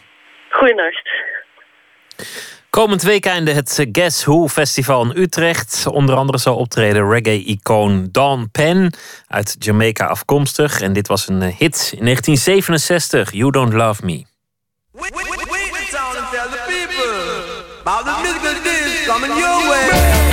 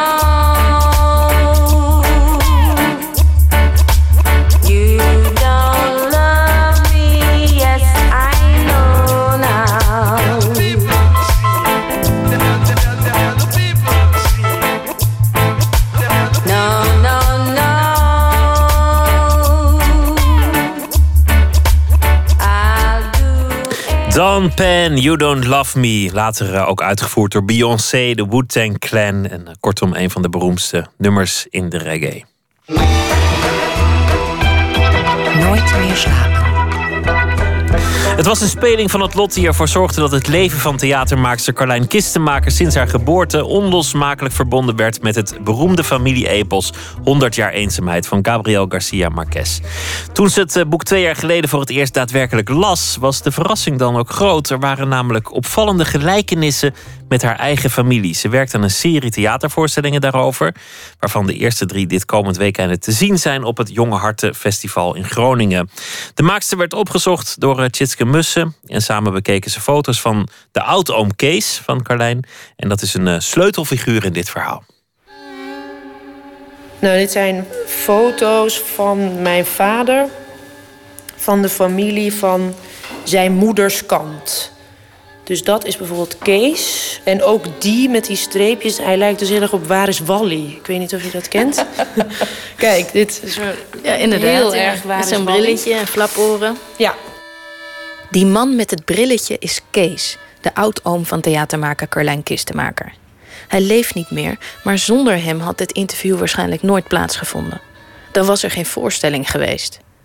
Misschien was Carlijn dan zelfs wel geen theatermaker geworden. En ehm, hier speelt hij klarinet. En ik speel dus ook klarinet. Nou ja, goed. Niet echt, maar ik heb wel op klarinetles gezeten. Wel grappig dat hij dat ook eh, deed. Maar hij was, wel, hij was ook wel eenzaam, geloof ik. Hij vond het allemaal niet makkelijk. Zij was daarom ook heel veel in Spanje. En ging altijd met een hele oude motor. Hij heeft zelfs een keer een motorongeluk gehad. En toen heeft hij eh, een gat boven zijn bovenlip gekregen... waardoor hij een sigaretje kon roken. Dus eh, het was wel een excentriek iemand. Hoe zit het anatomisch dan in elkaar, vraag ik me af. Ja, dat zat hij tussen zijn neus en zijn bovenlip. Ik heb geen idee. hij kon ontzettend leuk schrijven ook. Maar eh, het enige wat hij ooit heeft geschreven is de dankrede... eh, van toen hij de Martinus Nijhoffprijs won. De Martinus Nijhoffprijs is de belangrijkste Nederlandse prijs voor vertalers. Kees heet voluit Kees van den Broek en was een gewaardeerd literair vertaler. Hij eh, vertaalde 300 boeken uit het Frans, Duits, Engels en Spaans... zonder ooit een taal gestudeerd te hebben. Dus het is mij echt een raadsel hoe hij dat allemaal deed. Carlijn heeft Kees niet echt gekend. Hij overleed toen ze vier was. En toen heb ik dus de royalties van al die vertalingen gekregen. Waarom jij? Ja, dat vraag ik mij ook wel eens af. Maar ik denk dat het komt, of ik weet wel zeker dat het komt... omdat mijn vader had een hele goede band met hem. Het was zijn oom. En ehm, ja, er is dus een heel bijzonder verhaal... dat ik bij mijn geboorte van Kees een lint heb gekregen... met allemaal kleine cadeautjes, waar een kwastje... kleine dansschoentjes, een pen, notitieblokje... en volgens mij een maskertje. Dat hing daar aan omdat hij hoopte dat ik later iets met kunst ging doen. Bij royalties voor een vertaler moet je je niet al te veel voorstellen. Maar als dat boek geschreven is door Nobelprijswinnaar Gabriel Garcia Marquez en 100 jaar eenzaamheid heet, dan kan het aantikken. En ik heb dus van het geld van de royalties kunnen studeren aan de theaterschool. 100 jaar eenzaamheid is een dik familie-epos over verschillende generaties van de familie Buendia in Colombia. Marquez mengt realisme met magische gebeurtenissen en dromen. In Carlijns atelier ligt een grote stapel met verschillende uitgaves. 1, 2, 3, 4, 5, 6, 7, 8, 9, 10, 11, 12, 13, 14. En hoe kom je daar aan? Um, altijd als er een nieuwe kaft uh, gemaakt was voor een nieuwe uitgave... dan kreeg ik met de post drie proefexemplaren thuisgestuurd. Dus je hebt deze eigenlijk allemaal ook nog in drievoud? Ja, eigenlijk wel. Maar ik heb je die stiekem verkocht? Nee, ik denk dat iedereen die ik ken ooit wel 100 jaar eenzaamheid op de verjaardag heeft gekregen. Als cadeau. Dus ik heb ze niet allemaal meer. Maar wanneer las je het voor het eerst? ja, dat is dus iets waar ik me wel een beetje voor schaam. Want dat is echt maar pas een, een jaar geleden of twee jaar geleden. Ik, ik, had, ik had er ik had er helemaal niet behoefte aan. Ik ken dat boek al vanaf mijn vierde. Ik heb ook veertien uitgaven in de kast staan. Dus iedereen vraagt aan mij... Hé, waarom heb je zoveel 100 jaar eenzaamheid? Zo'n mooi boek, is echt mijn lievelings. Oh, fantastisch. En dan kan ik daar nooit op ingaan. Want ik had het nooit gelezen. Ja, nu wel, maar... Maar waarom las je het eerder niet? Omdat ik mijn eigen fantasie had bij dat boek. Want vanaf mijn vierde... Uh, zag ik dat boek overal. Iedereen heeft het thuis in de boekenkast staan. En dat hoorde een beetje bij mij, maar ja, ik dacht gewoon dat dat. Ik had mijn eigen fantasieën bij wat dat boek zou zijn. En wat dan? Ik, ik wilde zelf dus bijvoorbeeld Gabriel Garcia Marquez worden. Dat vond ik gewoon een hele magische, mooie naam. Maar ik wist helemaal niet wie dat was. En dan stelde ik me daarvan alles bij voor dat het een eenzame schildpad was, bijvoorbeeld. Want ja, het heet hondje eenzaamheid, dus dacht dat is dan een heel oud, eenzaam iets. Nou, dat is dan een schildpad.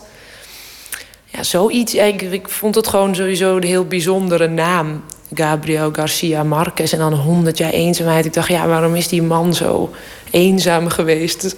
Wat is dat dan?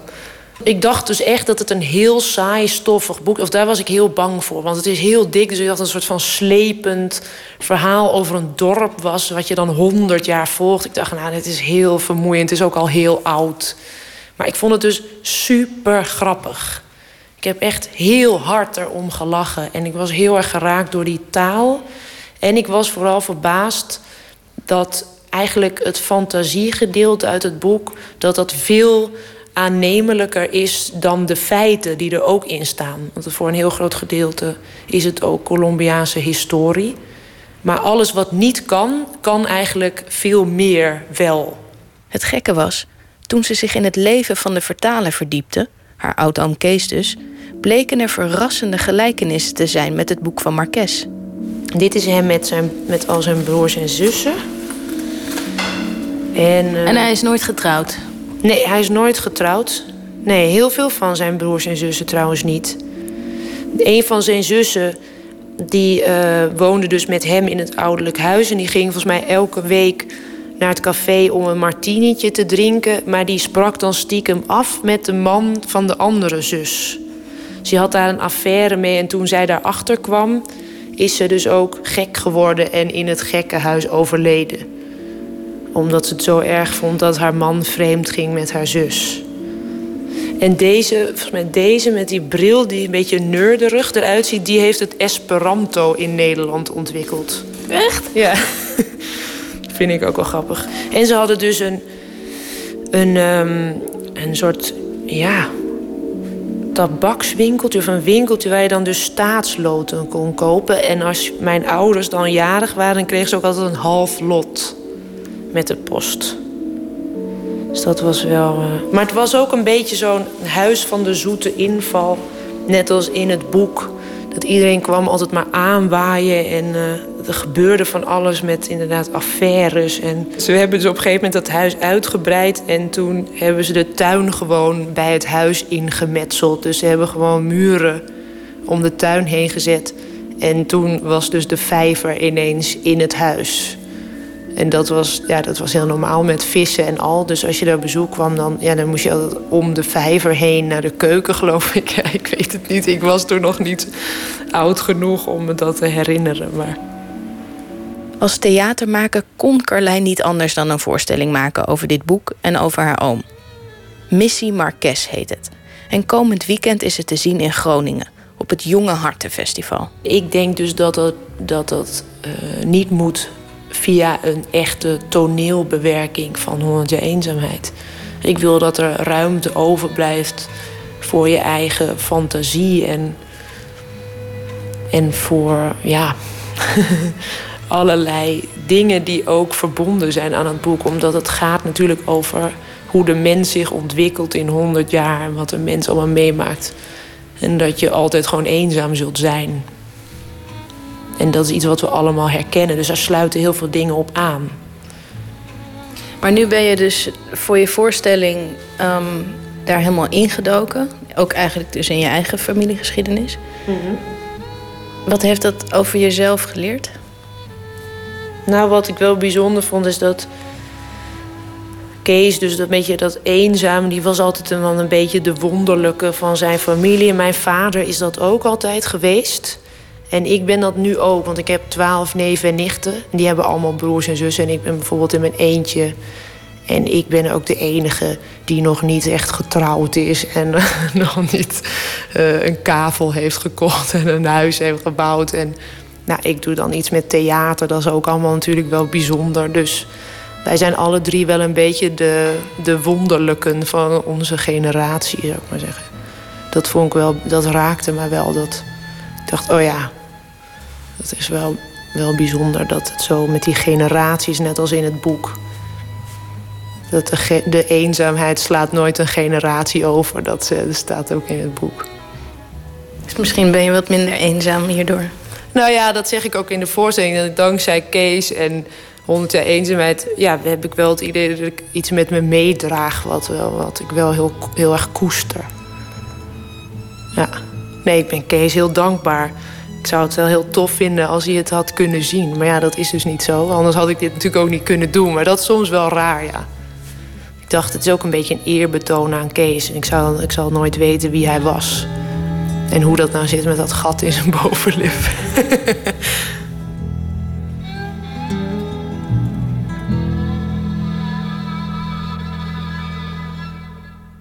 Tjitske Mussen in gesprek met Carlijn Kistenmaker. Komend weekend de eerste delen van de voorstelling Missie Marques te zien op het Jonge Hart Theaterfestival te Groningen. Informatie via de website jongeharten.nl. Het zijproject van de, de frontman van The National. En dat is eh, Matt Berninger. En eh, de muzikant en producer Brent Knop, die ook weer in allerlei bands zit, eh, heet Elvi. En eh, we gaan luisteren naar No Time to Crank the Sun. No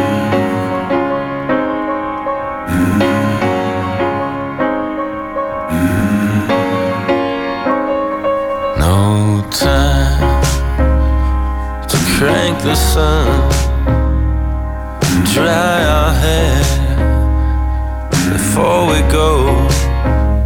No time to lay around. We'll come back someday. No time to change our minds. The pricks are always on our heels. No time to fight about it. This time we can't be late.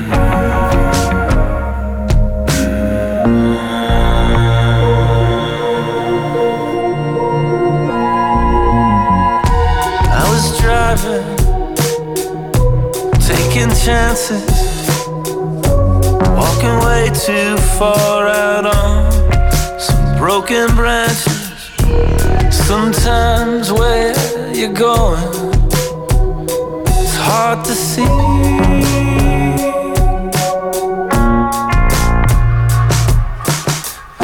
Always knew there was something missing. Said no one could ever get me to sit and listen. I was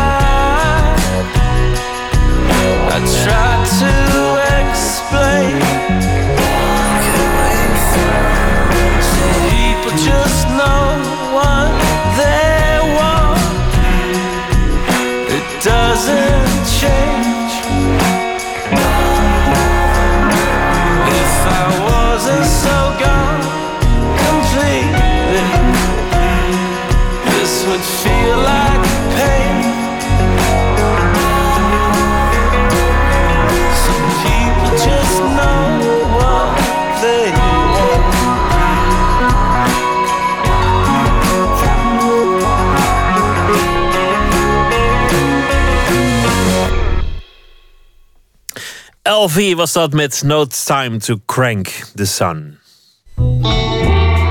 Nooit meer slapen. In het nieuws vandaag twee ontdekkingen van locaties op beroemde Nederlandse schilderijen. In uh, de National Gallery of Victoria, Melbourne, blijkt een bijzonder stadsgezicht van Amersfoort te hangen. En vanaf vandaag weten we eindelijk welk straatje er nou te zien is op het doek Gezicht op Huizen in Delft van Vermeer. Nachtcorrespondent Adinda Akkermans dook in de wereld van de historisch topograaf. Goedenacht, Adinda. Wat is het? De historisch topograaf, wat is het en wat doet hij? Hij uh, uh, is een wetenschapper die eigenlijk de hele dag bezig is om uh, locaties van oude schilderijen te achterhalen. In het geval van dat eerste nieuwtje, nieuwtje, waar je het over had, wist het museum in Australië alleen dat het een 18e eeuws Hollands stadsgezicht was. De schilder en de stad waren onbekend. Dus vroegen ze historisch topograaf Laurens Schoenmaker om het uit te zoeken. En die concludeerde al gauw dat het een werk van Jan Ekels de Oude moest zijn... en vergeleek het schilderij daarna met allerlei andere bronnen uit de 18e eeuw... om de locatie te achterhalen.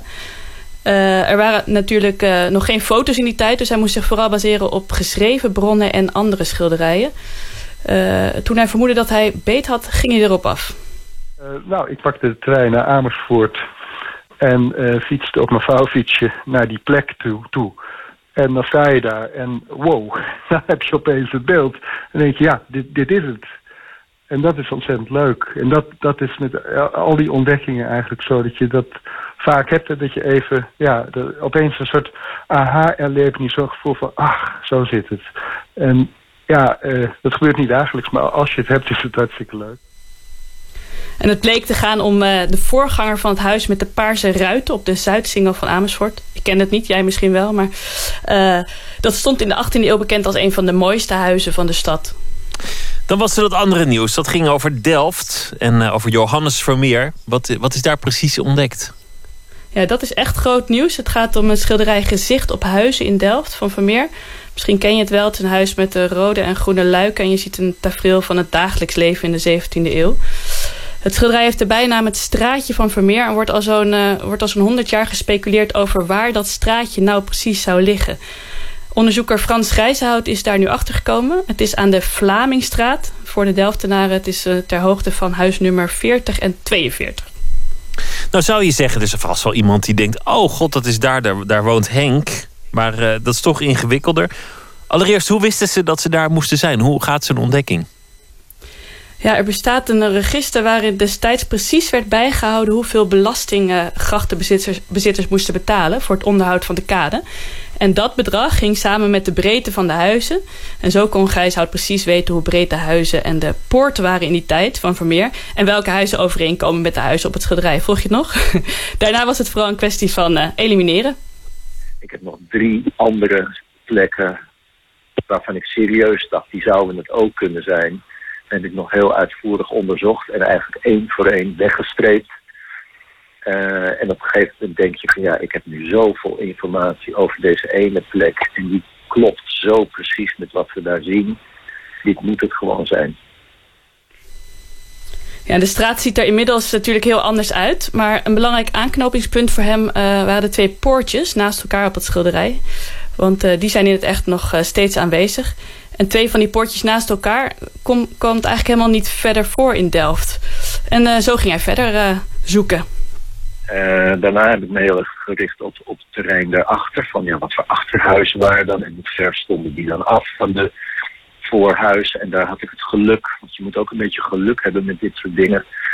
Dat ik een bron vond die heel precies beschreef dat het achterhuis van het linkerhuis maar zo ver afstond van het voorhuis. En dat is inderdaad ook heel goed te zien op het schilderij. Dat voorhuis staat heel dicht op het achterhuis. Uh, dus dat was twee. Toen vond ik ook nog een bron over tuintjes die achter die achterhuizen lagen. Nou, dat zie je ook precies op het schilderij. En tenslotte kon ik vaststellen dat het huis wat je in de achtergrond van het schilderij ziet...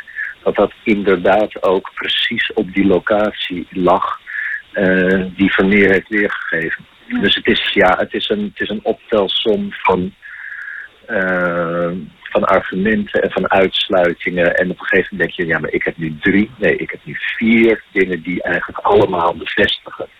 En uh, ja, dan moet je ook durven zeggen, dit is het. Het is ontzettend leuk natuurlijk om te weten welk huis het is. Maar, maar heeft het eigenlijk ook meer belang weten op welke locatie een schilderij zich afspeelt? Ja, volgens uh, Laurens Schoenmaker zeker wel. Luister maar. Vaak begrijp je de kunstenaar ook beter als je begrijpt wat hij heeft getekend, geschilderd. En ja, je, je volgt hem als het ware in zijn voetsporen. En dat geldt zeker ook voor Johannes Vermeer, want over zijn leven is uh, bar weinig bekend. Zo'n ontdekking kan echt bijdragen aan, uh, aan de biografie van Vermeer. En uh, daarnaast is er nog iets anders dat kunsthistorici belangrijk vinden aan deze ontdekking, zegt Frans Grijshout.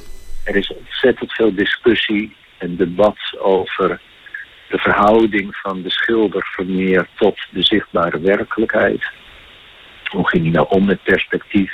Heeft hij dingen verzonnen? Heeft hij de werkelijkheid naar zijn hand gezet in zijn schilderijen, ja of nee?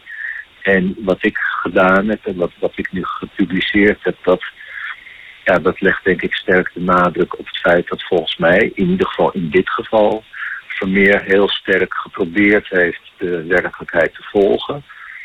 Uh, maar het bijzondere van hem is vervolgens wel dat hij ja, zo'n mooie uitsnede uit de werkelijkheid heeft gemaakt. Heeft zo op zo'n bijzondere manier die huizen doorsneden en de straat doorsneden. En heeft die figuren er zo mooi ingezet. Dat het, ondanks het feit dat het de werkelijkheid trouw volgt, daar ben ik van overtuigd, dat het toch een heel bijzonder kunstwerk is. Waar ik zelf ook nog wel nieuwsgierig naar was, is van waaruit Johannes Vermeer het schilderij gemaakt heeft. Want ik weet niet of jij dat wist, maar je kan dus niet zomaar. Je kon toen nog niet echt uh, zomaar in de buitenlicht gaan schilderen. Nou, je moet het zich voorstellen, schilders in de 17e eeuw die zaten thuis te schilderen. Die konden niet de straat op met hun ezel en hun doek. Uh, dat, dat konden ze wel, maar dan konden ze niks doen, want ze moesten verf ter plekke mengen. En daar hadden ze allerlei gereedschap voor nodig en, en hulpjes die dat deden. En dat kon je eigenlijk alleen maar in je eigen atelier doen. Dus er waren nog geen tubus verf zoals uh, tegenwoordig. En verf droogde ook op een hele andere manier dan tegenwoordig. Dus dat, daar konden die, die schilders konden niet on the spot werken, die konden niet ter plaatse werken. Dus wat hij gedaan heeft, hij heeft aan de overkant van die gracht gestaan, denk ik eigenlijk. Misschien iets op een verhoging. En hij moet die situatie daar getekend hebben. Waarschijnlijk aantekeningen gemaakt over kleuren en verhoudingen, misschien ook nog in diepte, et cetera. Uh, en dat heeft hij meegenomen zijn atelier en daar heeft hij het uitgewerkt. En wat natuurlijk heel leuk is, is dan om, om naar dat huis te gaan kijken in Delft. Ergens langs de grachten van Delft. En dan vervolgens naar dat schilderij te gaan kijken van Vermeer. Maar waar hangt die, dat schilderij? Hij hangt in het uh, Rijksmuseum in Amsterdam. En uh, daar is vanaf morgen ook een speciale tentoonstelling gewijd... aan deze ontdekking van het straatje van Vermeer. Adinda Akkermans, dankjewel. Goeienacht. Jij ook. Het tweede album van de Australiër, uh, die trouwens in Londen woont, Joel Saracula, heet The Imposter. En het volgende stuk is daarop gevonden, Happy Alone.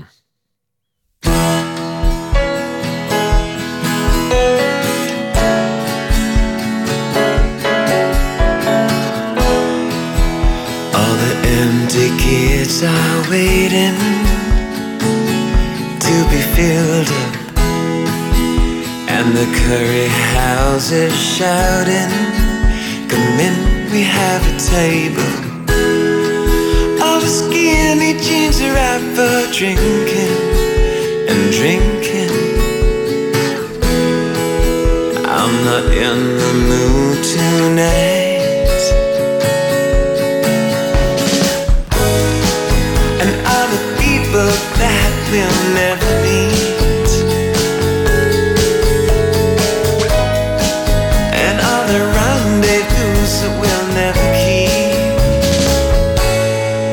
Everyone's happy,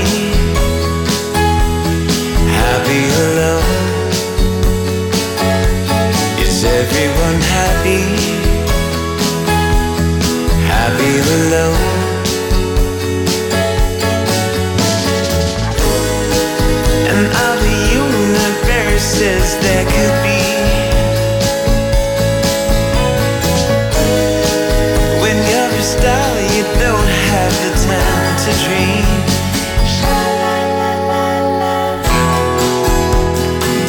On Cheshire Street is smelling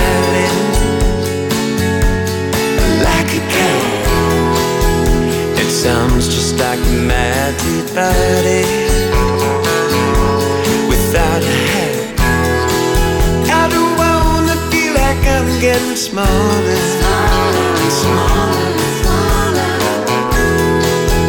I wanna stay the same forever.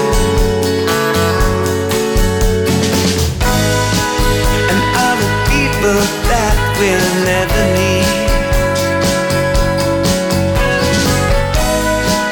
And other rendezvous that we'll never keep. Everyone's happy, happy alone.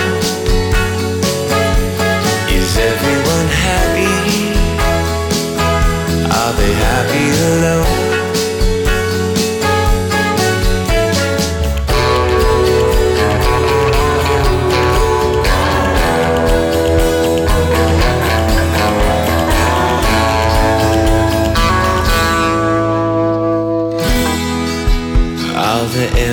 Kids are waiting to be filled up. In the distance, there's a sound that I used to know. And other universes there could be.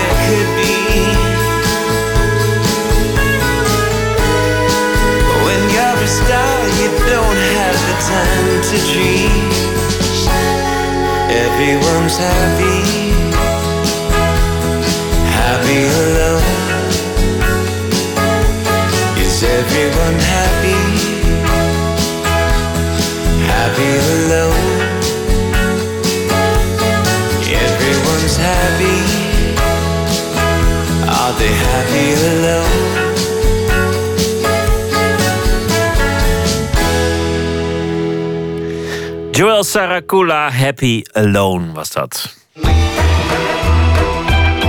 Nooit meer slapen. Boudewijn de Groot nam eh, niet zo lang geleden afscheid van alle liedjes die hem groot hebben gemaakt. De hits, Avond, Als de rook om je hoofd is verdwenen, Meneer de President. Ze moeten plaatsmaken voor meer persoonlijke liedjes. Documentairemaker Suzanne Raas volgde de Groot in die periode van verandering. En het resultaat is nu te zien op het festival ITVA. Kom nader is de titel en Maarten Westerveen sprak de documentairemaker Suzanne Raas.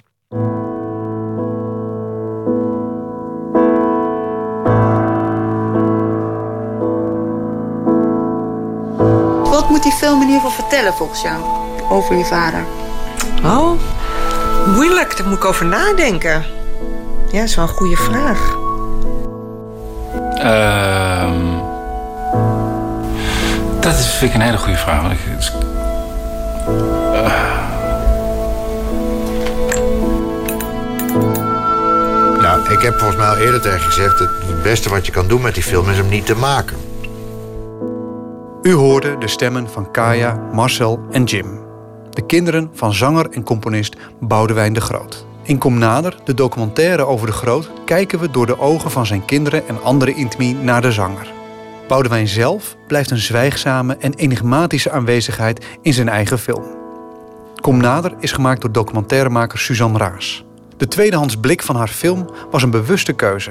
Vooral herinner ik me heel erg de eerste ontmoeting met Boudewijn. Want ik was echt wel een fan. Ik was echt wel iemand die opgegroeid is met Boudewijn de Groot. Ik kende echt al zijn liedjes uit, uit mijn hoofd. Mijn kinderen kennen zelfs zijn liedjes.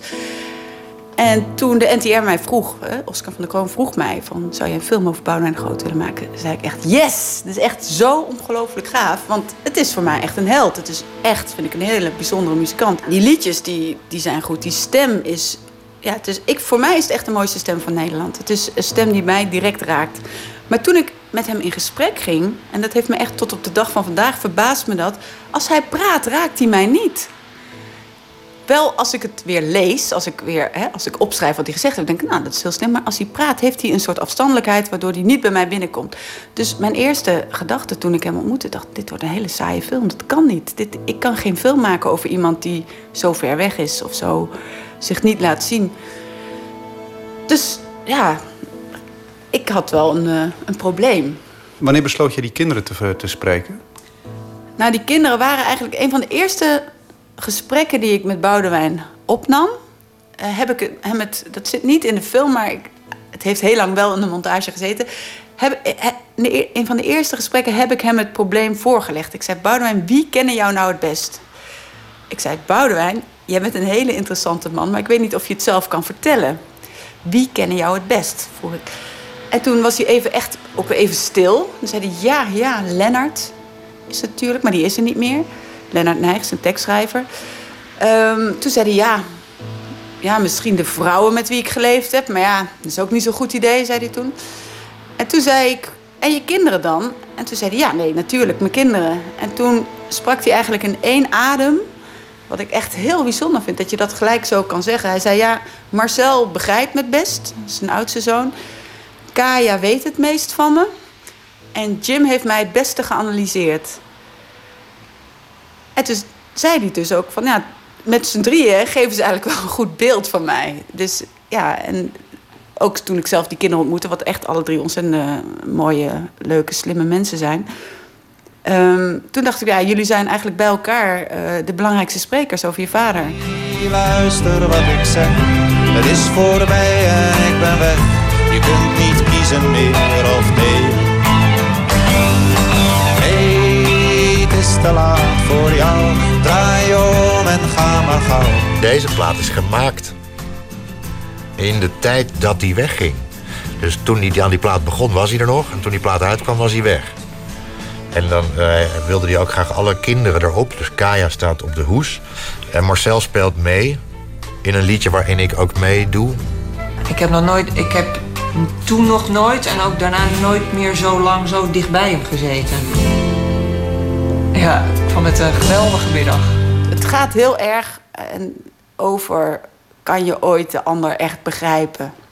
Hè? En, eh, en als het dan gaat over vaders en, of ouders en kinderen, waarbij dat nog heftiger is. Je hebt als kind volgens mij zeker tot je veertigste de behoefte dat je ouders zijn zoals je wil dat ze zijn. Of je bent, hè, en als het dan niet goed gegaan is in je jeugd, dan ben je daar ontzettend mee bezig. En als het goed is, heb je op een gegeven moment een soort omslagpunt, denk ik. En dan denk je, oh ja, maar mijn ouders zijn ook maar mensen. En ik en de kinderen van Boudewijn waren volgens mij allebei, Jim misschien nog niet helemaal, maar wel voorbij dat punt. Dat, ze dus, dat je dus naar je. Zij kunnen naar hun vader kijken nu, hebben dat ook natuurlijk heel lang niet kunnen doen, als de man die die is. Dus die film gaat over afstand tussen mensen. En die afstand is nog ingewikkelder als dat ouders en kinderen betreft. In een van de eerste montage hadden we een sequentie gemaakt van allemaal mensen die. Ja, zuchtend, ik wil wat. Dus het was heel duidelijk eh, een, eh, een ingewikkelde vraag. Wat natuurlijk raar is, want als je zegt, ja, 70 jaar beroemdste... ja, die film moet natuurlijk vertellen dat die man dit en dat en dat. Dus het feit dat ze, in ieder geval, dat zijn drie kinderen, alle drie of heel erg stil worden of zeggen van ja, als je iets wil weten over mijn vader, dan moet je die film helemaal niet maken of zo. Of dat, hè, dat, dat is gelijk, uh, was gelijk uh, het zet het verhaal een beetje onder druk. Daarom heb ik het gedaan.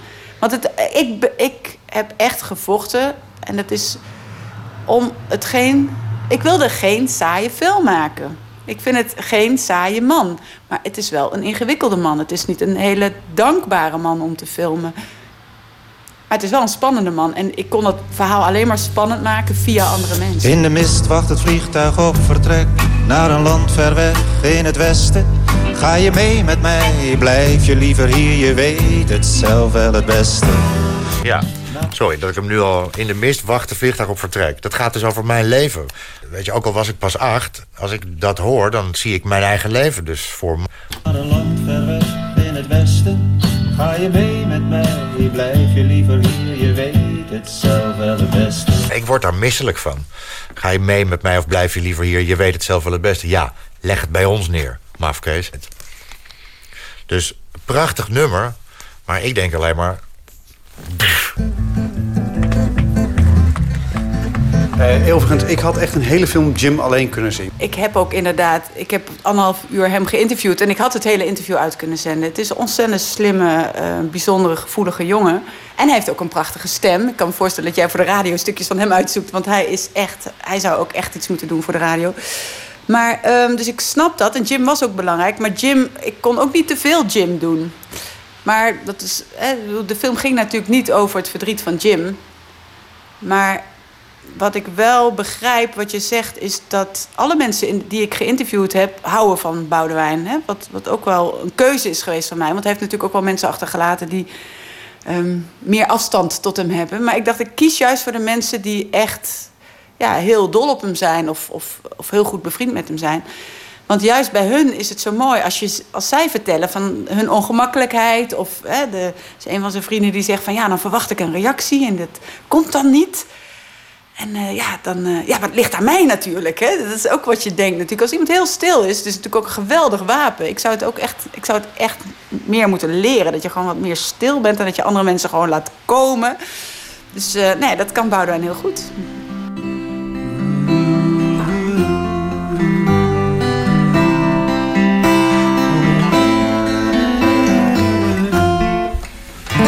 Van Boudewijn geleerd.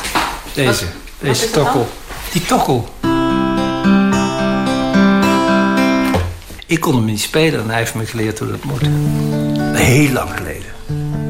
30 jaar geleden of zo. Misschien wel langer.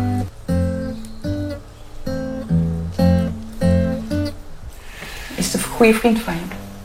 Ja, ik beschouw hem als een goede vriend. Ja. Ik weet niet of hij dat ook vindt, maar ik vind dat wel. Maar dat bijvoorbeeld, dat. Ik zou ik tegen hem kunnen zeggen: Boudewijn, je bent zo'n goede vriend van me. Volgens mij schrikt hij zich helemaal te pletten. Of ook niet. Als iemand zo stil is, ga je toch ook projecteren op iemand wat je denkt dat hij is. En dat is, toen ik aan die film begon, waren er mensen die tegen mij zeiden: Oh, Boudewijn de Groot, dat is zo'n arrogante man. En er waren mensen die zeiden: Oh, Boudewijn de Groot, die is zo saai. En hij is niet arrogant en hij is niet saai. Dat, dat weet ik allebei zeker. Maar het is wel interessant dus wat er gebeurt als je zo in jezelf zit. Dat mensen dus allemaal gaan zoeken wat er aan de hand is.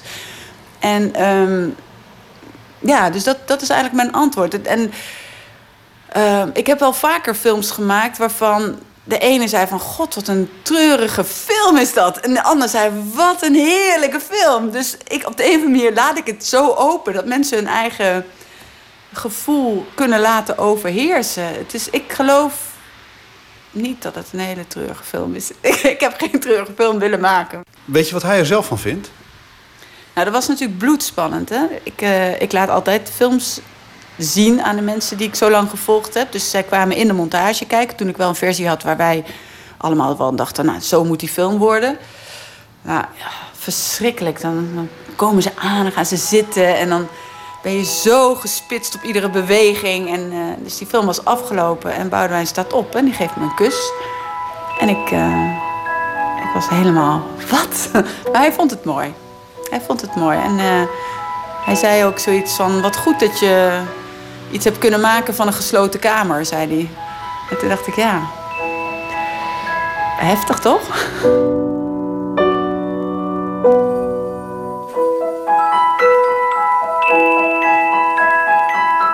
Alles is anders dan ik ooit dacht.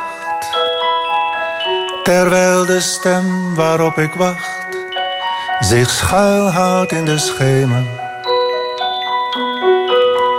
Wat ik zie en hoor is steeds iets anders dan wat ik eens verloor. Is dit de aarde of de hemel?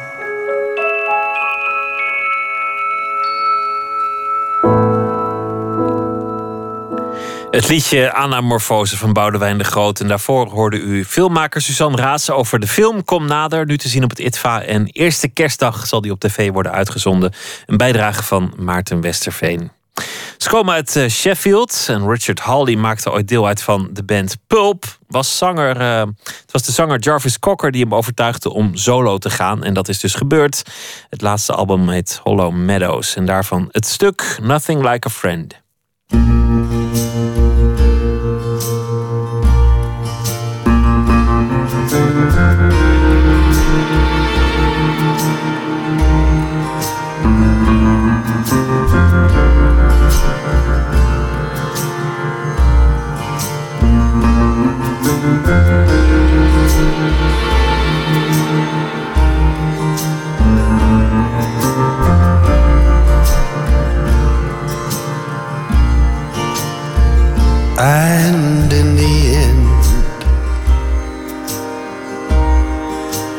Things that hold you in.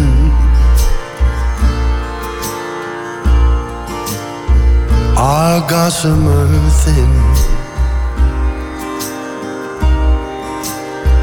Disappeared with the wind. Will these city streets remember us? We walked them long ago. Blown apart by a bitter wind that took us far from home.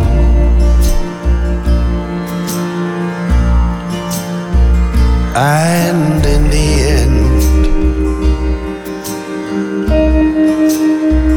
it's gossamer thin.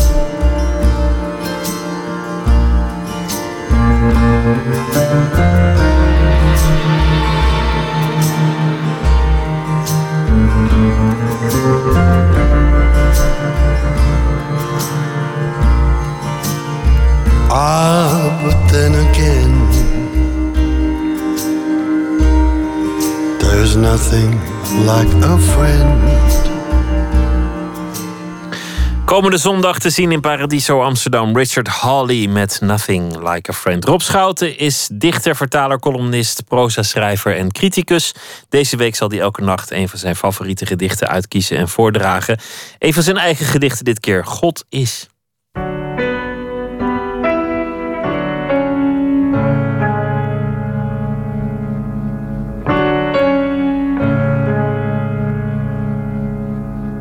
Het gedicht dat ik ga voorlezen heet God is. Dat betekent niet dat God bestaat, maar het betekent eigenlijk God is aan de beurt. Zoals kinderen die spelen zeggen van jij bent. Ik heb het geschreven uh, naar aanleiding van het moment dat mijn twee jongste kinderen uit het water het strand op zag komen. En zonder enige twijfel hun ouders als de juiste bestemming zien kiezen. En dat ontroerde me bijzonder. Daarover gaat dit gedicht. God is. De poetie met hun roze vleugeltjes komen het water uit. Hun vader op. Zo lukt geluk. Blijft het bij kleine onrechtvaardigheden. Het lieve heersbeestje mag op de hand, maar een zwart torretje schiet ik ver weg. Niet ver natuurlijk, maar verkiezen moet. Zoals ik ook geen sinds van mollig houd. Geef mij het spichtige hotelratje, een gammel bed, gehorig tengelwerk. Waarbij ook nog het nieuws telkens over ons leeg gekiept niet samenvatbaar of giraal te delgen in nachtmerries of westerse valuta, maar net als kinky seks of urenmaler, gedachten die je s'avonds laat pas draait. Ochtends wil ik met rust gelaten worden door genocide en teenkunstenaars. Dan komt niet in me op dat ik ook elders had kunnen zijn, net zo vanzelf.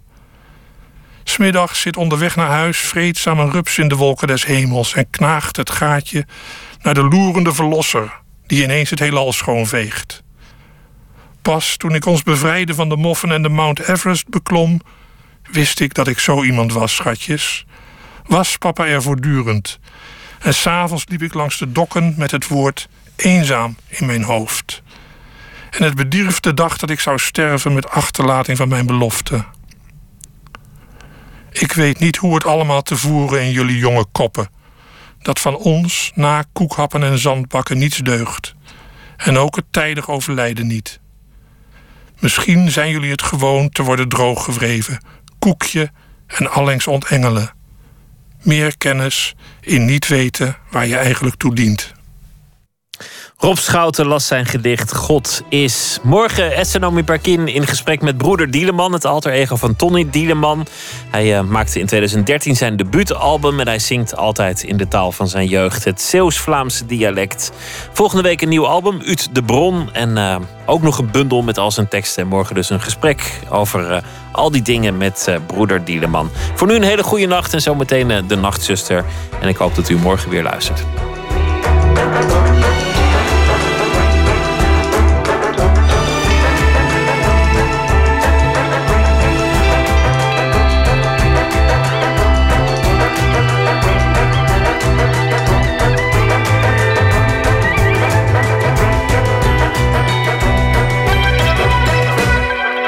Radio 1, Het nieuws van alle kanten.